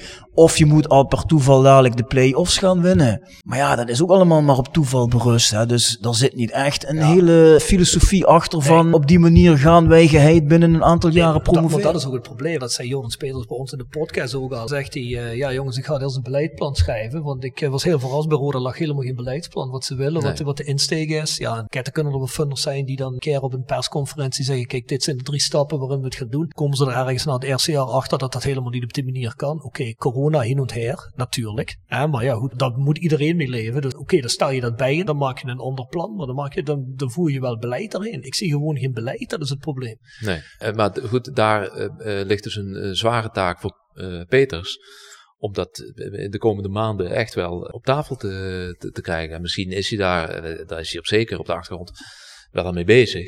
De achterban te informeren, zul je echt een keer naar buiten moeten. En. Zou jij het niet logisch vinden? Kijk, wat je ziet nu aan die jaarcijfers, hè, dat ondanks die anderhalf miljoen van de Phoenix groep, dat je nog steeds rode cijfers schrijft. Dus je weet gewoon, er wordt tegen ons wel eens gezegd van ja, jullie moeten die lui waarderen. Tuurlijk waarderen we ze. Het is geweldig wat ze doen, hè, dat geld wat ze erin steken. Maar je ziet gewoon, het is te weinig om naar de Eredivisie te gaan en daar een structurele rol te spelen. Er moet gewoon geld bij. En dat hebben wij vaker geopperd, omdat wij wisten dat er ook interesse was. Zou de Phoenix Groep niet moeten zeggen, ja, wij willen niet meer doen dan die anderhalf, dus we moeten dan toch kijken naar partijen die in de club willen investeren en misschien een deel van de aandelen willen hebben, die dan ook nog naast onze anderhalf miljoen ook nog anderhalf miljoen doen, zodat je dan wel die stap kunt gaan maken. Maar die boot wordt dan afgehouden. Ik vind dat best wel gek. Je hebt het dan over buitenlandse investeerders. Ja, bijvoorbeeld. Ja. Als het moet, dan moet het. Kijk, het heeft mijn voorkeur ook niet. Ik zou ook liever hebben dat Roger ja. Houdini's zegt, ik doe 5 miljoen. Hey, prima, klasse Roger. Ja. Maar als het niet gebeurt, en wij mogen niet van hem vinden wat hij met zijn geld moet doen. Maar ik vind dan wel dat als hij tot de conclusie komt, die anderhalf miljoen is gewoon te weinig. Ja, dan vind ik wel dat je moet kijken naar alternatieven. Ja, precies. Ja, de vraag is wanneer, tot zij, uh, wanneer dat zij tot die conclusie komen. Ja, maar Jelle, wij waren er al heel snel nee, mee. Uh, dat, of lopen wij voor? Nee, nee, nee daar, jullie zijn heel snel, dat klopt. maar, maar, ik denk dat ze daar op de achtergrond wel, uh, niet zozeer mee, met een externe investeerder, maar dat ze op de achtergrond wel aan het kijken zijn van, oké, okay, waar trekken we de streep? Of gaan we verder en gaan we het in een volgende fase anders doen. Kan niet anders. Oké, dus je denkt, wij zijn, wij zijn mogelijk iets te voorbarig, wij willen te snel, maar het gaat misschien toch nog ooit gebeuren. Nou ja, misschien dat ze, zeg maar, eh, als we nu op de helft zitten ehm, eh, en dat ze in uh, pakweg maart alle rekensommen gemaakt hebben die jullie al lang gemaakt hebben, dat ze, dat ze dan toch tot de conclusie komen, oké, het, het kan niet. Dus, en we blijven doen, maar dan moet er iemand bij. Of dat ze toch nog eens in het portemonneetje kijken en denken van nou, er wordt zo leuk gevoetbald en het stadion zit, hè, er mag weer publiek bij en die mensen zijn enthousiast. En dan gaan we toch nog een keer uh, bij elkaar zitten en gaan we eens kijken, iets erbovenop kunnen nou, doen. Wat wij zo jammer hebben gevonden, dat is dan toen wij op die tam-tam begonnen te slaan. Eigenlijk het einde van het afgelopen seizoen en die voorbereiding naar dit seizoen. Mhm. Toen hoorden wij dus dat dat spelersbudget, uh, wat afgelopen seizoen 1,9 miljoen was, ging terug naar 1,5. En toen hebben wij gezegd van ja jongens, dat is eigenlijk heel onverstandig, want als je op 1,9 houdt, dan heb je het over 4 ton. Is voor hun niet heel onoverkomelijk, op zijn zachts gezegd. Maar dan had je misschien wel op dat moment die Patrick Fluke kunnen laten bijtekenen. En dan had je misschien twee, drie jongens gehaald met extra klasse, waardoor je nu wel bij die eerste twee had gestaan. Het is allemaal geen zekerheid, maar vergroot de kans wel ontzettend. En, en was dat misschien beleidstechnisch niet slimmer geweest? Ja, mij kijk- was kijk, als- de gedachte van Van Assen. Hè? Die wilde Ja, ja, dat ja. contract van, Tuurlijk. van Fluke eh, Precies. Kijk, en zo dat snel vind, mogelijk verlengen. dat is vind ik het kwalijkste punt. Kijk, jongens erbij, meer kwaliteit in de linies, dat is allemaal tot daar aan toe. Tweede eindig is ook allemaal tot daar aan toe. Maar als je eigen beleid voert, dan verleng je toch op het minste het contract van Patrick Fluke, zodat je hem voor geld kunt verkopen. Transfermarkt is gisteren dichtgegaan, dus nu loopt hij 100% zeker op het eind van het seizoen of voor niks weg, of met alle geluk van de wereld als je promoveert. Want je moet promoveren, anders hou je hem niet. Nee, dat, dat heeft is, hij nog een eh, keer heel duidelijk ja. gezegd. Ik wil gewoon Eredivisie speler, ben ik duidelijk in. Helemaal geen probleem. Maar dan weet je wel dat je hem dus 100% voor niks de deur uit laat lopen. En dat is je grootste asset, je grootste waarde op het veld geweest van de laatste drie, vier jaar. En die laat je nu gewoon lopen. En als je zegt, dat, vind ik, dat vind ik beleidstechnisch de meest kwalijke beslissing Precies, precies. van de afgelopen anderhalf Want- want jaar. als je dat zegt- je gewoon ergens Ja. tussen kwart miljoen en een half miljoen. Want als je zegt, we moeten het op eigen kracht gaan doen, dan moet je dus vooral zorgen dat je die jongens met een waarde hebt, dat je die langer aan je bindt. Want dan moet je het van transfers gaan hebben. Precies, dat is wat ik dus niet begrijp. En kijk, als je. Je hoeft mij helemaal niet alles uit te leggen wat rijden en zeilen bij de club is. Je hoeft me niet te vertellen met wie jij onderhandelt over contracten, wat, hoe, hoeveel die waard zijn, wat erin staat. Het boeit allemaal helemaal geen reet. Maar geef op zijn minst een beetje een beleid aan van ja, kijk, wij laten zo'n jongens niet meer vertrekken. Dat is beleid. Die worden verlengd. Ook als we er een paar extra euro op moeten leggen, dat is voor ons een investering. Kijk, ik heb vanmorgen toevallig weer de podcast van de AD geluisterd. Dat vind ik trouwens een hele goede informatieve voetbalpodcast. Misschien wel de beste van Nederland. Die zei ook dat Feyenoord heeft puur deze wintertransferperiode. Jullie kennen allemaal dat verhaal dat ze van Joey Veerman doorgeschakeld zijn naar Bazoer. En toen van Bazoer zijn ze naar... Hendricks, ja. Zei Feyenoord ook, we zijn naar Hendricks doorgeschakeld. We zijn naar die Zweedse jongen doorgeschakeld. Toen legde ook Arne Slot uit waarom dat, want het is een andere positie. Ze zeggen, nee, maar we zijn niet doorgeschakeld op positie. We zijn doorgeschakeld op straks doorverkoopwaarde. Bazoer was nog jong genoeg als hij bij ons goed doet, dat we hem door kunnen verkopen naar het buitenland. Joey Veerman hetzelfde. En die Zweedse jongen schijnt inderdaad heel erg goed te zijn. Met die hetzelfde. Dus ze zijn op de Feyenoord beleidend voor op basis van hoe Ajax het ook jarenlang heeft gedaan. Alleen hebben die zo'n goede jeugdopleiding dat ze met de jeugd zelf kunnen doen. Maar gewoon geld te verdienen, beleid te voeren, inkomsten uit wat op het veld staat. En dat is wat Roda nu compleet, compleet gemist heeft, die trein met Patrick Fluke. En dat vind ik het allerkwalijkste. maar dat vinden wij. De vraag is, wat vindt Jelle Kleine? Want eh, van ons weten de mensen dat. hè. Nee, ik denk dat je daar gelijk in hebt. Eh, alleen, het verschil met het voorbeeld dat je noemt bij Feyenoord bijvoorbeeld, is dat daar eh, in alle geledingen technische mensen zitten. Tuurlijk. En eh, kijk, de, de, de clubleiding heeft hier een fout gemaakt, in ieder geval door op een cruciale fase in het. In Vind je niet in- dat Joop in de het- juiste technische beslissing hierin heeft genomen? Ja. Nee. Oké. Nee, eh, ze hebben in een cruciale fase eh, van de eh, vorige transferwindow de technische man eh, de deur gewezen. Los van wat je vindt of eh, hoe die het doet of wat die doet.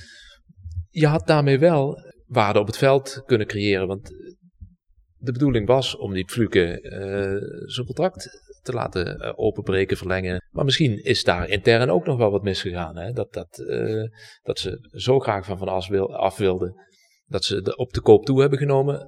Dan gaan we ook niet met Fluke Mhm. aan de slag verder.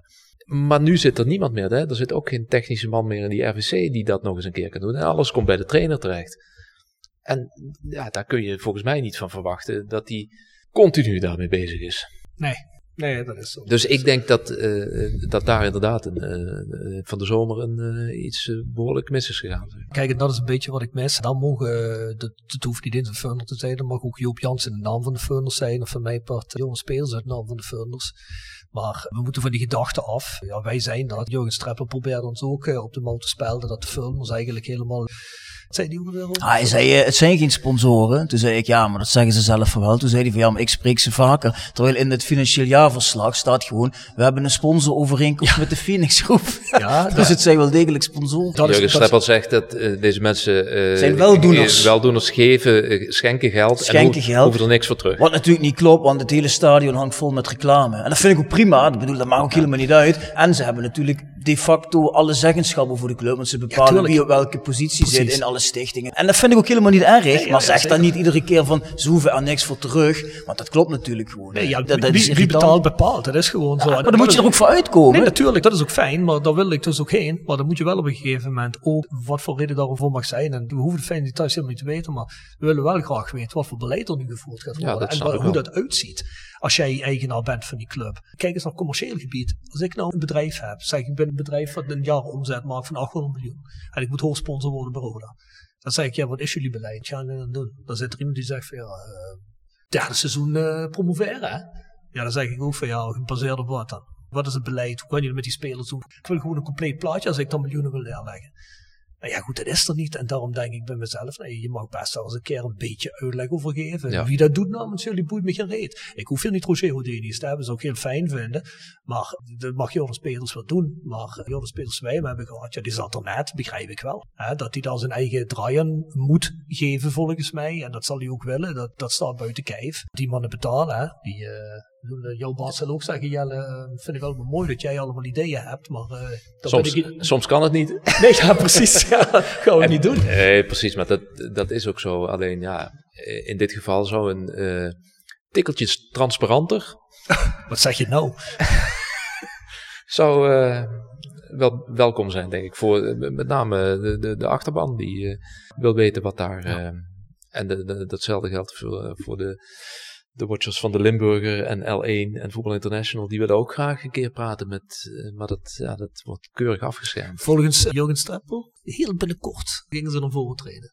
Dan is zijn misschien in, om eh, van alles te vertellen. We zijn in blijde verwachting. Hebben wij nog een rubriek voor? eh, Natuurlijk. Jelle? Section Frietenboot. Gepresenteerd door Herberg de Bernardeshoeve. Weekendje weg in eigen streek? Boek een appartementje en ga heerlijk eten met fantastisch uitzicht in het prachtige Mingersborg bij Marco van Hoogdalem en zijn vrouw Danny. www.bernardeshoeve.nl En Stokgrondverzet uit Simpelveld. Voor al uw graafwerk, van klein tot groot. Onze gravels staan voor u klaar. Tevens worden we gesteund door Wiert's Company. Ben je op zoek naar extra personeel? Bezoek het kantoor van Wiert's Company in het Parkstad Limburgstadion of ga naar www.wiertz.com. Section Frietenboet. Oh, de frietenboet. Ja, J- Jelle is niet zo iemand. Jelle die gaat er zeggen, nooit. daar kom ik nooit. Dat doet hij niet. Bedoelen we niks mee, Jelle. Nee, dank je. Frikandel speciaal. Of verdomme, ja, de frikandel speciaal, dat is... eh, Blijf populair. Met hè? curry, zeg ik er dan bij. Toen wij net in Huizen woonden, eh, ging ik naar de snackbar. Dan krijg je eerst natuurlijk de patat-friet discussie. Ja, ja, ja. En eh, toen vroeg de iets wat kakuneuze mevrouw, eh wilt u dat met eh, ketchup? Ik zei nee, met curry. Nou, wij doen het hier altijd met ketchup. Ik zei nou, dat lijkt me niet. eh, doe maar gewoon met curry en uitjes. Jurgen Streppel, die koos een frikandel speciaal. Met ketchup Met expliciet. oh, serieus, ja? Ja, dat is er zo een. Nou ja, dat kan. Oh, voor mij was, voor mij was dat eh, in eh, 2001 best nieuws, zeg maar. Maar welke frituren staat nou een kakmadam? Nee, in Huizen. hè, in huizen gooien. en het, en het gooien. Oh, Het Gooien, gooien, oh. ja. Ik heb ja. nog nooit eentje met ketchup gegeten, is friet speciaal. Deze week ben ik nog in de frituur geweest. Na best een lange tijd. Weet je wat ik toen nog eens gepakt heb? Een frietje satésaus. Lekker, hè? Boah, heerlijk man. lijkt me helemaal niks. Wel, Hey, voor mij kun je s'nachts wakker maken voor deze. Ja? ja. En reizen wel. Wel niet bij elkaar, maar... Ja, je, maar, maar je, je bent ook een type Jos Brinkie, hè? Ja, om te eten wel. Jij in het echt. hè? Knip, knip je dit ook eruit, of niet? Eh, ja. laat, je, laat je staan, Ja, zeker. dat laat ik Dat staan. is Ja, dat laat ik staan. Maar je hebt het net al over, over outlets en dergelijke. Hè, en over watchers. Luister je ook zo? Een voetbalpodcast. Natuurlijk behalve de Voice of Calais. Eh, ja, nou ja, alle vier die clubs eh, hebben, hebben een podcast eh, tegenwoordig. Dat is om de Limburgse clubs. Hè. Dus daar luister ik de laatste tijd wel wat vaker naar. Omdat ik wel een beetje wil horen wat daar allemaal eh, speelt. En verder... Bij Venlo hebben ze er zelfs twee, hè, geloof ik. Ik heb de Teen van Uchebo wel eens geluisterd. Ik heb dat Dat is- Venlo-naren wel eens geluisterd, maar die vond ik niet zo goed. De Teen van Uchebo is wat leuk. Ja, zie je goed. Daar zit, eh, daar zit leuk, een beetje humor. eh, en, eh, nee, dus dat is, dat is wel geinig. En ehm, Zit er alleen? Die heb, heb je ik, geloof ik van Fortuna, hè? ja, die is van Fortuna. Die heb ik een hele tijd geleden geluisterd. Toen mijn collega Falco Kremers daar zat. Die vaak Fortuna van commentaar voorziet in de, in de radio-uitzendingen. Ja, leuk. eh, maar dat ging heel erg over de actualiteit toen. Ehm, maar ik... eh, Echt wedstrijdanalyse ook en zo. maar de- Meisje dat, zit, dat zit meer, Ja, ook, ja. dat zit meer in de wed- wedstrijdanalyse. Ah, wat, daar wat minder Jasper in... Klute voor dit soort dingen, ja. Hij lacht altijd als er een Jasper Ja, hij heeft hem op het oog, hij wil hem vastleggen, hij wil hem jullie wegkappen. laten die naam zo vaak vallen. Ja, we moeten die jongen een baan helpen, snap je? Dus, eh, Is het zo? Ja, ja, ja. ja. Ben je zaakwaarnemer dan? Nou, kijk, Ik als, doe alleen de contract. ik sluit het niet uit. Kijk, als jij nou bijvoorbeeld zegt van ja Jasper, je kunt je contract tekenen, dan sta ik bij hem op de stoep. Dan zeg ik, wij hebben dat gezegd, dus 10% naar ons, hè. 10%.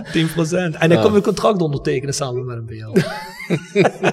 hey, nee, maar luister Eh, je bijvoorbeeld ook naar de voetbalpodcast van de Limburger. Of eh, wat ik net zei, de Limburger de luister ik, voetbalpodcast ook, van de AD. ja, luister ik ook wel eens naar. Maar dat, weet je wat het is? Deze dingen duren anderhalf uur. Dan ben je eh, van, eh, als ik in de auto zit vaak, ja, dan ben ik eh, na twintig minuten moet ik hem afzetten. Dat is Hij best moet- lastig. Volgens mij, als hij ons luistert, rijdt hij vijf keer de parkstad ring. rijdt hij. Nee, de tijd dat ik bij PSV werkte, reed ik van Heerlen naar Eindhoven. Ja, dat is een uur heen, een uur Top, terug. hè? Dan eh, is ben, je, ben je een dagje ben je klaar. ja, ik moet dadelijk weer terug naar Essen. Ik zet dadelijk wel mini-podcast op. Ja, nee, dus dat, eh, ja, dat, het het gaat ook met fases hoor. Dat, eh, Ja, klopt. Soms heb je er echt heel veel tijd in. En, dan denk je van, oh, ik, eh, ik, ga wandelen of hardlopen of wat dan ook. Dan dan is het eh, ideaal, Maar dan, eh, Ja, maar ik bestel wel eens verstel voetbalpodcast van de Limburger mis ik nooit, Ja. omdat ik natuurlijk wel weet wat ze voor horen zeggen. Maar ook wel een beetje geïnteresseerd zo, hè, wat er eh, in het Limburgse speelt. Dus die luister ik altijd, die mis ik eigenlijk nooit. Maar soms wel eens versteld, uh, sta ik toch van hoe weinig die jongens over elkaars clubs weten hoor. Dat hoeft misschien ook niet. die volgers bedoel jij? Ja, maar wat voor aannames er ook soms zijn. Ik betrap Jimmy ook wel eens op een paar dingen. Ja, wij zitten er natuurlijk misschien nog dieper als Jimmy in, omdat ja, vanuit het fangebeuren waar je denkt, je hebt natuurlijk binnen de club bronnen, je hebt van alles. Hè. Dus soms denk ik ook wel eens, oh, hoe kun je dit nou zeggen, weet je wel. Dan eh, ja, heb je ook wel eens dat je naar zo'n ding luistert en je zegt van, ah, ah. het is... eh, Ja, bij die, eh, bij die clubpodcast niet, want daar ja, luister ik gewoon. Het gaat een beetje om de, de, de sfeer die er hangt, Mhm. wat mij betreft. Ik luister wel bijvoorbeeld vaak naar FC Afkikken. Ja, daar zitten wel heel veel meningen en eh, dingetjes eh, door elkaar heen. En dat, is, dat kan leuk zijn. Daar denk ik wel eens van, nou ja jongens, eh, dat, dat is... Jullie zitten heel erg van, van, van, van afstand mee te, Ja, precies. mee te kijken. Ja, dat heb ik dan ook heel erg. Ik luister ook wel eens FC afkeken. Die daily luister ik wel eens van hun. Ja. wie presenteert dat? Neil Nou, Petersen, is dat? Wie? Neil Petersen? Oh, dat zijn die jongens, die, die zitten doet op eigenlijk Twitter en zo. Dat is eigenlijk de bas. Ja, ja, precies. Ja, ja. En volgens mij heeft hij iets gedaan in de media bij AZ vroeger, of niet? Ook, ja. ja, ja, Ja. ja. ja. Hij is eh, nog heel even mijn baas geweest bij, ik denk Infostrada dat het was. Die vind ik, ehm, ja, die vind ik eigenlijk wel heel erg eh min. Kijk, ik vind hem heel veel van het voetbal afzetten. Ik heb dat ook op een andere podcast al eens gezegd. Dan zit hij te praten over, er wordt er vuurwerk afgestoken in een stadion wat eigenlijk al gebeurt sinds ik me kan herinneren dat ik naar voetbalstadion ga.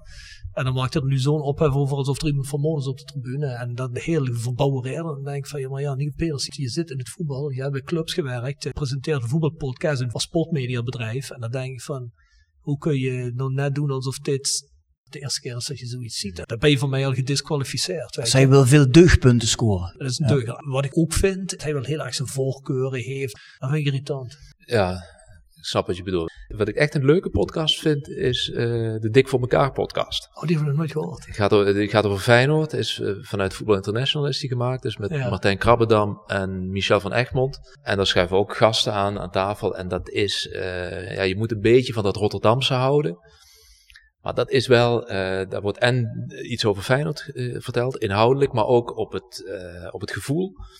En dat is, dat daar straalt ook gezelligheid uit. En ze hebben ook zo, VI heeft ook zo'n podcast bij PSV. Ski te Willy heet. Dat is altijd met Björn van der Doelen en met Marco Timmer. En daar zit dat ook in. Dat, Ja, die Björn van der Doelen, die heeft dat wel, hè? Ja, dit, maar- die, die, die zegt ook gewoon eh, van, ja, het was helemaal niks dit weekend. En, eh, dan, eh, en dan komen daar wel argumenten achteraan, maar dan, ja, en hij weet hoe dat is om in een kleedkamer te zitten. En dat is wat, wat eh, als je dat als medium kunt gebruiken, dat is altijd wel sterk. Want dat, eh, dat is natuurlijk niet alleszeggend en zaligmakend. Maar het kan je net een inkijkje geven in waarom er iets gebeurt binnen een club of binnen een elftal. Of, eh, Maar dat is natuurlijk ook de kracht van bijvoorbeeld zo'n kort podcast. ja, nou ja, ja, ja, ja, ja, ja. Ik vind die gewoon leuk. Het gaat elke keer Ja. over een bepaald thema natuurlijk. Maar ja, goed omdat die jongens zelf gewoon... Dat zijn voetballers. Ja, en ze doen het gewoon ook heel erg leuk. Ja, Dus, eh, absoluut. Ze waren de laatste keer bij Frans Timmermans, volgens mij, in Brussel. Heb jij toen ook Eh, gezeten wachten op de eerste keer dat Frans Timmermans voor de liet vallen dat het pas na ongeveer Dat duurde- 40 minuten gebeurde? Dat duurde vrij lang. Ik, het ging heel lang over Roma. Ja, ik werd echt helemaal gek ervan. Ik had echt zoiets van, wij hebben ook eens tegen elkaar gezegd, Frans Timmermans in de podcast, het gaat vast vroeger of later ook wel een keer Dat gebeuren. zou ik zeker een keer doen. Want dat is het eerste waar ik hem op aanspreek. Waarom er drie kwartier over AS Roma gesproken wordt. Dan, dan stuurden die jongens hem ook wel heel erg die kant uit. Maar ja, Ja. zeg je toch op een gegeven moment, ja, eigenlijk is mijn favoriete club Roda. Of naast AS Roma. Misschien heeft hij er ook wel echt veel meer mee, dat weet ik niet. Hij doet altijd zo eh, alsof hij, eh, weet ik veel, zijn lot verbonden is dan dat van Roda soms. En dan denk ik van ja, dan moet ik 40 minuten wachten tot Frans Timmerman het woord Roda JC in zijn mond krijgt. Ja, dan word ik helemaal gek hè. dan word ik niet serieus. Ben je zo belangrijk? Ik heb toch een speech gegeven. Dat vonden die jongens zo fantastisch. En dan denk ik bij mezelf, ja, maar het duurt wel 40 minuten voor het woord Roda eruit krijgt. Ah, dat wordt dan een mooie vraag voor Frans als we hem een keer in de podcast. Ik hoor Frans al. ook een beetje dik geworden, zag ik op die foto. Hè? Een beetje papperig, ja. ja, ja. Frans, eh, het goede leven daar in Brussel geloof ik. Zeker, zeker, zeker, zeker. Als Europarlementariër verdien je wel een aardig centje voor de Je houdt wel van een hapje. Jelle, even naar het heden. Ja. Waar gaan wij met Rode JC nog eindigen dit seizoen? Denk je dat we nog een gooi gaan doen naar die tweede plek? Ik heb net zes punten gezegd, hè? Die Ja, twee precies. wedstrijden tegen NAC en Volendam. Daarom. Ik denk uiteindelijk, ehm, eh, daar hadden we het in het begin ook al over, dat het uiteindelijk net tekort komt voor die plek Mhm. 2. We gaan, we gaan wel nog kort in de buurt komen, want, denk ik. Maar ik denk dat eh, plek 4 redelijk eh, Ja. reëel is. Denk ik ook. En, Volendam en mijn ADO Roda. Ja, denk ik ook. Of Emmen Volendam. Ja. Ja, zoiets. Maar, dat- Maar dat- jij zei net van, eh, het maakt me niet uit of ze derde of zevende worden. Maar het is natuurlijk wel nog van belang van of je thuis kunt spelen. eh, Ben ik met je waar eens. kijk, Ben ik met maar je we, eens. hebben- we hebben nu wel weer Nee. een terugwedstrijd toch, hè, de play-offs. Daar mag ik van uitgaan. Nee, daar ben ik met je wel eens. rare situaties ontstaan, dat, dat weet ik niet. Maar Nee, daar ben ik met je eens. Maar ik wil daarmee zeggen, het maakt mij zeker wel wat uit of je derde of zevende wordt. Maar ja, per saldo had ik gewoon, denk ik nog altijd, dat als het een aantal maanden geleden iets anders was aangepakt, had je Dat- gewoon eerste of tweede geworden. En dan was je eruit geweest. Ja, Want je gaat dadelijk, als je vierde eindigt, weet je hoe kort je dan bij die... Nou ja, eh, zit- ik, denk dat Roda misschien twee goede spelers verwijderd is van een kampioenschap, bij wijze van spreken. Zet er twee hele Ja. goede bij in de as, ben je er. ik denk overigens financieel gezien dat Volendam eh, weg is bij de rest. Hè, met, de, met de verkoop van, eh, van de van in de zomer en eh Casius nu. Eh, Die, eh, die, die eh, halen een sloot geld binnen. Dat is voor keukenkampioen-divisie begrippen Ja, maar goed, abnormaal. des te beter dat ze promoveren. Zouden wij niet promoveren, ja, dan Ja. wil je die niet in je divisie hebben. Nee, precies. Dat is ook zo. Want die halen dan alles wat ze willen halen. Laat dan Fortuna maar terugkomen, dat wordt een tweede VVV dan. Daar ben ik van overtuigd. Dat stoort in elkaar. Zo'n Turkse investeerder, die gaat er geen cent meer in duwen. Dat zijn jongens, die zijn wel heel erg ego, denk ik. En die zeggen gewoon van, ja jongens, hier heb ik geen zin in, zoek maar iemand anders.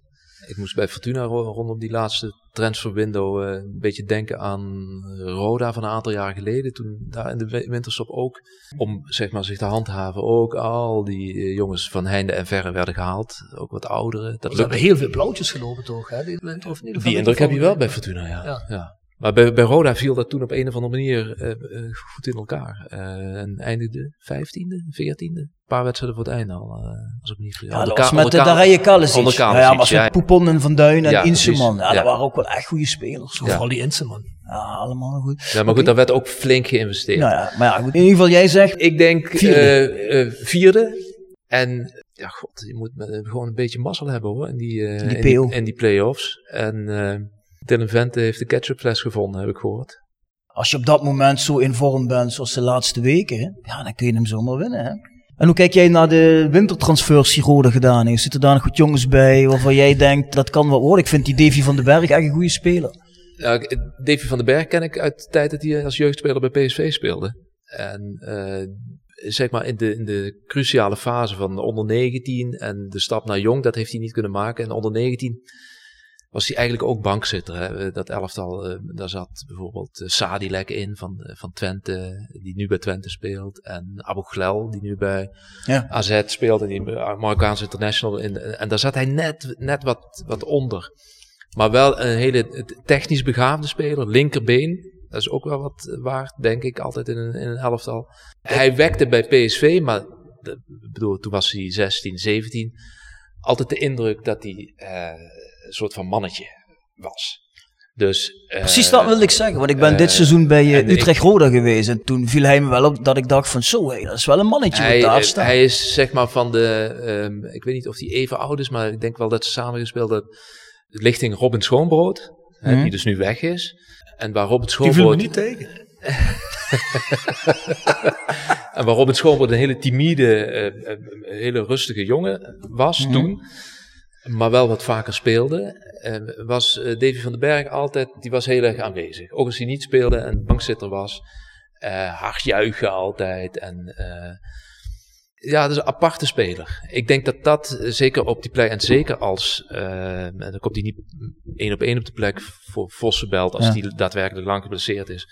Maar die kan wel op verschillende plekken op je middenveld spelen. En, eh, Ik denk dat hij wel de nodige minuten gaat maken. en eh, eh, als je met drang naar voren, volgens mij veel assists.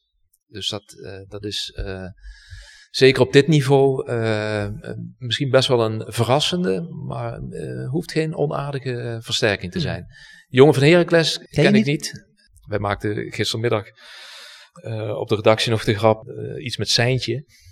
Dat had ook Heracles en eh, dingen. En toen kwam s'avonds het bericht dat, die, dat er weer iemand van Heracles weer, weer een buitenspeler. En toen dacht ik, ja, maar ik, ik ken hem helemaal niet. Dus eh, ik kan er niks over Ja, zeggen. Hebben jullie dat filmpje gezien van die jongens zijn eerste dag bij Roda? Ja, YouTube. Ja. hebben jullie ook dat ongemakkelijke eh, kleedkamerconversatie met, Met Amir? Absalem, ja. Ja, jongen, Ja. Ik zat op die bank en ik denk van, Ja. ik ga het afzetten. Ik kan dit niet. Overigens, En Absalem geen idee had waar die jongen speelde of zo. Hè? Ik kwam ook niet hartelijk over. En die jongen weet compleet geen houding te geven. En ik had echt zoiets van, moet je dit echt over anderhalve minuut uitrekken? Dat komt niet goed over. Dan had ik gewoon Nee, je moet- dit hier box en eh Precies, dat erin. je moet dat korter knippen dan. Overigens, dat vind ik wel goed. eh, als je dat ziet op die kanalen bij Roda. eh, hoe ze dat soort dingen aan proberen te pakken met alle eh, beperkingen of eh, Ja. beperkte Ja, social middelen. media Die is een ze, stuk beter geworden. dat, eh, daar hebben ze eh, eh, absoluut een, een goede manier van, eh communiceren. ik vind dat wel en. En, en, en dat eh, is zeker voor de, jouw generatie, Björn, eh, is, dat, is, dat, Ja, ja, ja. is dat heel erg eh, eh, aantrekkelijk. Ja, nee, dat maar is voor, voor eh, Wij waarderen dat, wij jonkies. Hij weet alleen niet hoe hij die app op zijn telefoon moet krijgen. Maar Daar heb ik mensen voor. Dat is heel slim. Nee, maar dat, dat, doen, ze, eh, dat doen ze echt goed. En dat, dat zie je bij States, bij al die clubs zie je dat. Dus, ja, ze hebben dat bij Roda ook jonge jongens voor rondlopen. Maar ik denk dat je dat ook moet zijn. Hè, voor met die media. Ik bedoel, dat moet je niet iemand laten doen die 59 is. hè, nee, dat nee, dingen. nee, nee, maar dat, dat, is, eh, dat is van een hele andere generatie. En dat, eh, het is heel erg 2022 om dat op die manier Ja, maar je moet het ook, doen. En Iedereen je, zit moet, en, je, moet, en je moet mee. Jullie ook, hè Jelle? En wij ook. Ja.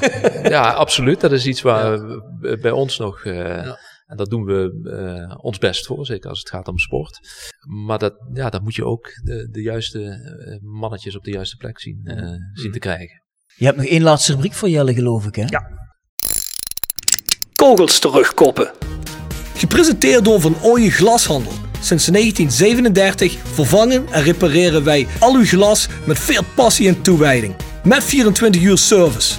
www.vanooyen.com En Quick Consulting. Laat finance waarde toevoegen aan je organisatie. We komen graag met je in gesprek om aan de hand van concrete voorbeelden duidelijk te maken hoe we dit ook binnen jouw onderneming kunnen realiseren. Think win-win, think quick. www.quickconsulting.nl Tevens gesteund door Roda Arctic Front. De Voice Kort van de makers van The Voice of Calhei. Na- en voorbesprekingen van elke Roda-wedstrijd, KKD en Roda-nieuws. Stemmen rond de wedstrijd en de column van Jasper. Steun ons en abonneer je nu voor iets meer als een euro. Op petje.af, schuine streep naar voren, The Voice of Calhei. Heb jij iets waarvan je zegt, ah, dat is iets in mijn leven, dat zou ik een keer over willen doen en anders? Of misschien over willen doen omdat je het zo ruig vond dat je zegt, dat wil ik nog wel een keer doen. Dat zou ik nog een keer her willen beleven. Goh, ik heb in ieder geval nergens spijt van, zeg maar. Dat, Dat is eh, goed. eh, Nou, is wel anders dan mij.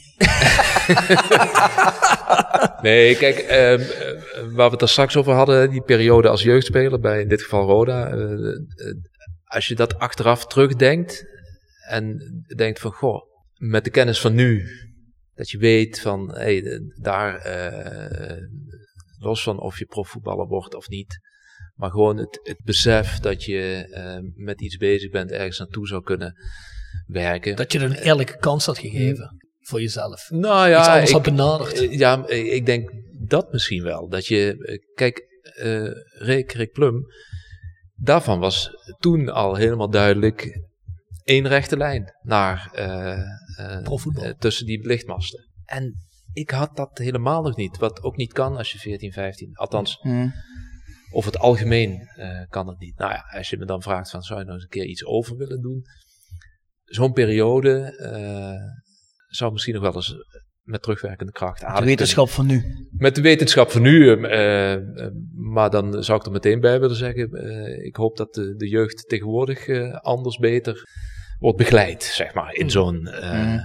opleiding, hè, zoals ze het noemen. Ja, ze zijn behoorlijk in ieder geval hard mee bezig met de Voetbal Academy. Dus, eh, zijn jullie dat eens geweest met alleen? Nee, daar zijn we nog nooit geweest. Ah, is- Althans, niet in mijn eh, laatste Dat is periode. leuk, moet je, moet je eens een keer gaan kijken. Die zijn goed bezig, die jongens. Ja, Altijd stukje bij beetje, hebben natuurlijk heel weinig geld om mee te werken, maar eh, Ja. die zijn goed bezig. Lopen ook een reeks van oud-profs rond, voor onder andere Rick Plum. ja. Dus Ja. eh, dat is heel leuk. Nee, dat is, eh, dat is zeker een goed idee. Nemen we mee. Kijk, Jelle gaat hier nog weg met goede ideeën. Dat is helemaal top. En met een vergiftigde geest. Oh ja? Hoezo dan? Bij ons is altijd het glas half leeg. Oh, maak je geen zorgen hoor. Nee, jongens. Jongens, we zitten al op een dikke twee uur. Serieus? Dus, eh, ja, zeker. Dat was weer een gezellig gesprek. Jazeker. Ah ja, daar moeten we nog een keertje over doen, hè? Zullen we iets afspreken als er eh, iets belangrijks aan zit te komen? Luister, als wij We vinden wel playoff- wat. playoff finale Rode Fortuna, maken we special alleen en eh, The Voice of Calais. Wat zeg je? Mag je zitten alleen ook uitnodigen? Ik, eh, eh, ik sta voor- veel dingen open. Dan kun je dan al meteen je internetpresentie mee pushen. Ga je met een Fortunees dan daar rondlopen? Niet rondlopen, wel aan tafel zitten en discussiëren. Ja? Dat is goed. Ah, Ja, maar dan, Ze hebben toch zo dan- uitgediscussieerd? dan neem je Jasper Klute maar mee. Ze hebben toch zo uitgediscussieerd of niet? Wil ik wel eens zien als Fortuna dan in de 90ste minuut 1-0 maakt of jij dan nog zit te discussiëren. Dan Dat is Jelle wel- gewoon een bellen we niet aan tafel verschijnen. De, vo- de Voice of Calais is afgehaakt. is, is naar huis gegaan. Dan sturen we Bart langs voor een nuchtere analyse. Bart die kan dat wel. Die is Ja, ja. meteen heel nuchter en heel rationeel. Ik kan je Ja. ook niet garanderen dat ik dan nog nuchter ben. Motelen moet je niet hebben. Nee, is geen Heel genuanceerd. Dat is, heel- is wel genuanceerd. Hey Jelle, bedankt dat je er was. Jelle, bedankt voor je tijd. Ja, jongens, graag gedaan. Bedankt voor de uitnodiging. Ja, ik hoop dat je het leuk vond. Absoluut. Ik heb stiekem met je gedanst, ken je dat nog? Ik hoop dat je het leuk vond. Ja, dat kent hij niet meer. hè? Jij kent het wel, hè? Ik ken hem. Jaren 80, hè. dit. Ik ken hem. Hoe oud ben je eigenlijk, Jelle? Geboren in 72. Dus Ah, schelen maar een jaartje. Mooi. Hey, ja, vrienden van de podcast. Laat maar gaan, zou ik zeggen. Jegers Advocaten. Next door Kapsalon, Nagel en Beauty Salon. Hotelrestaurant de Veilerhof. Herberg de Bernardeshoeve. Noordwand. www.gsrmusic.com. Stokgrond Verzet. Rapi Autodemontage. Van Ooije Glashandel. Quick Consulting. Weerts Company. Fendo Merchandising. Nederlands Mijnmuseum. Marimi Solar Heerlen. Rode Support. PC Data. Metaalgieterij van Gilst. Willeweber Keukens. Celexpert.nl. En Rode Arctic Front. Rode fans uit. Scandinavië. Jazeker. Hey, ons mailadres is thevoiceofcalais.south16.com. De website is south16.com. En wil je nog meer inhoud, ga je naar petje.af, schuine streep naar voren, The Voice of Calais. Tot, de volgende keer.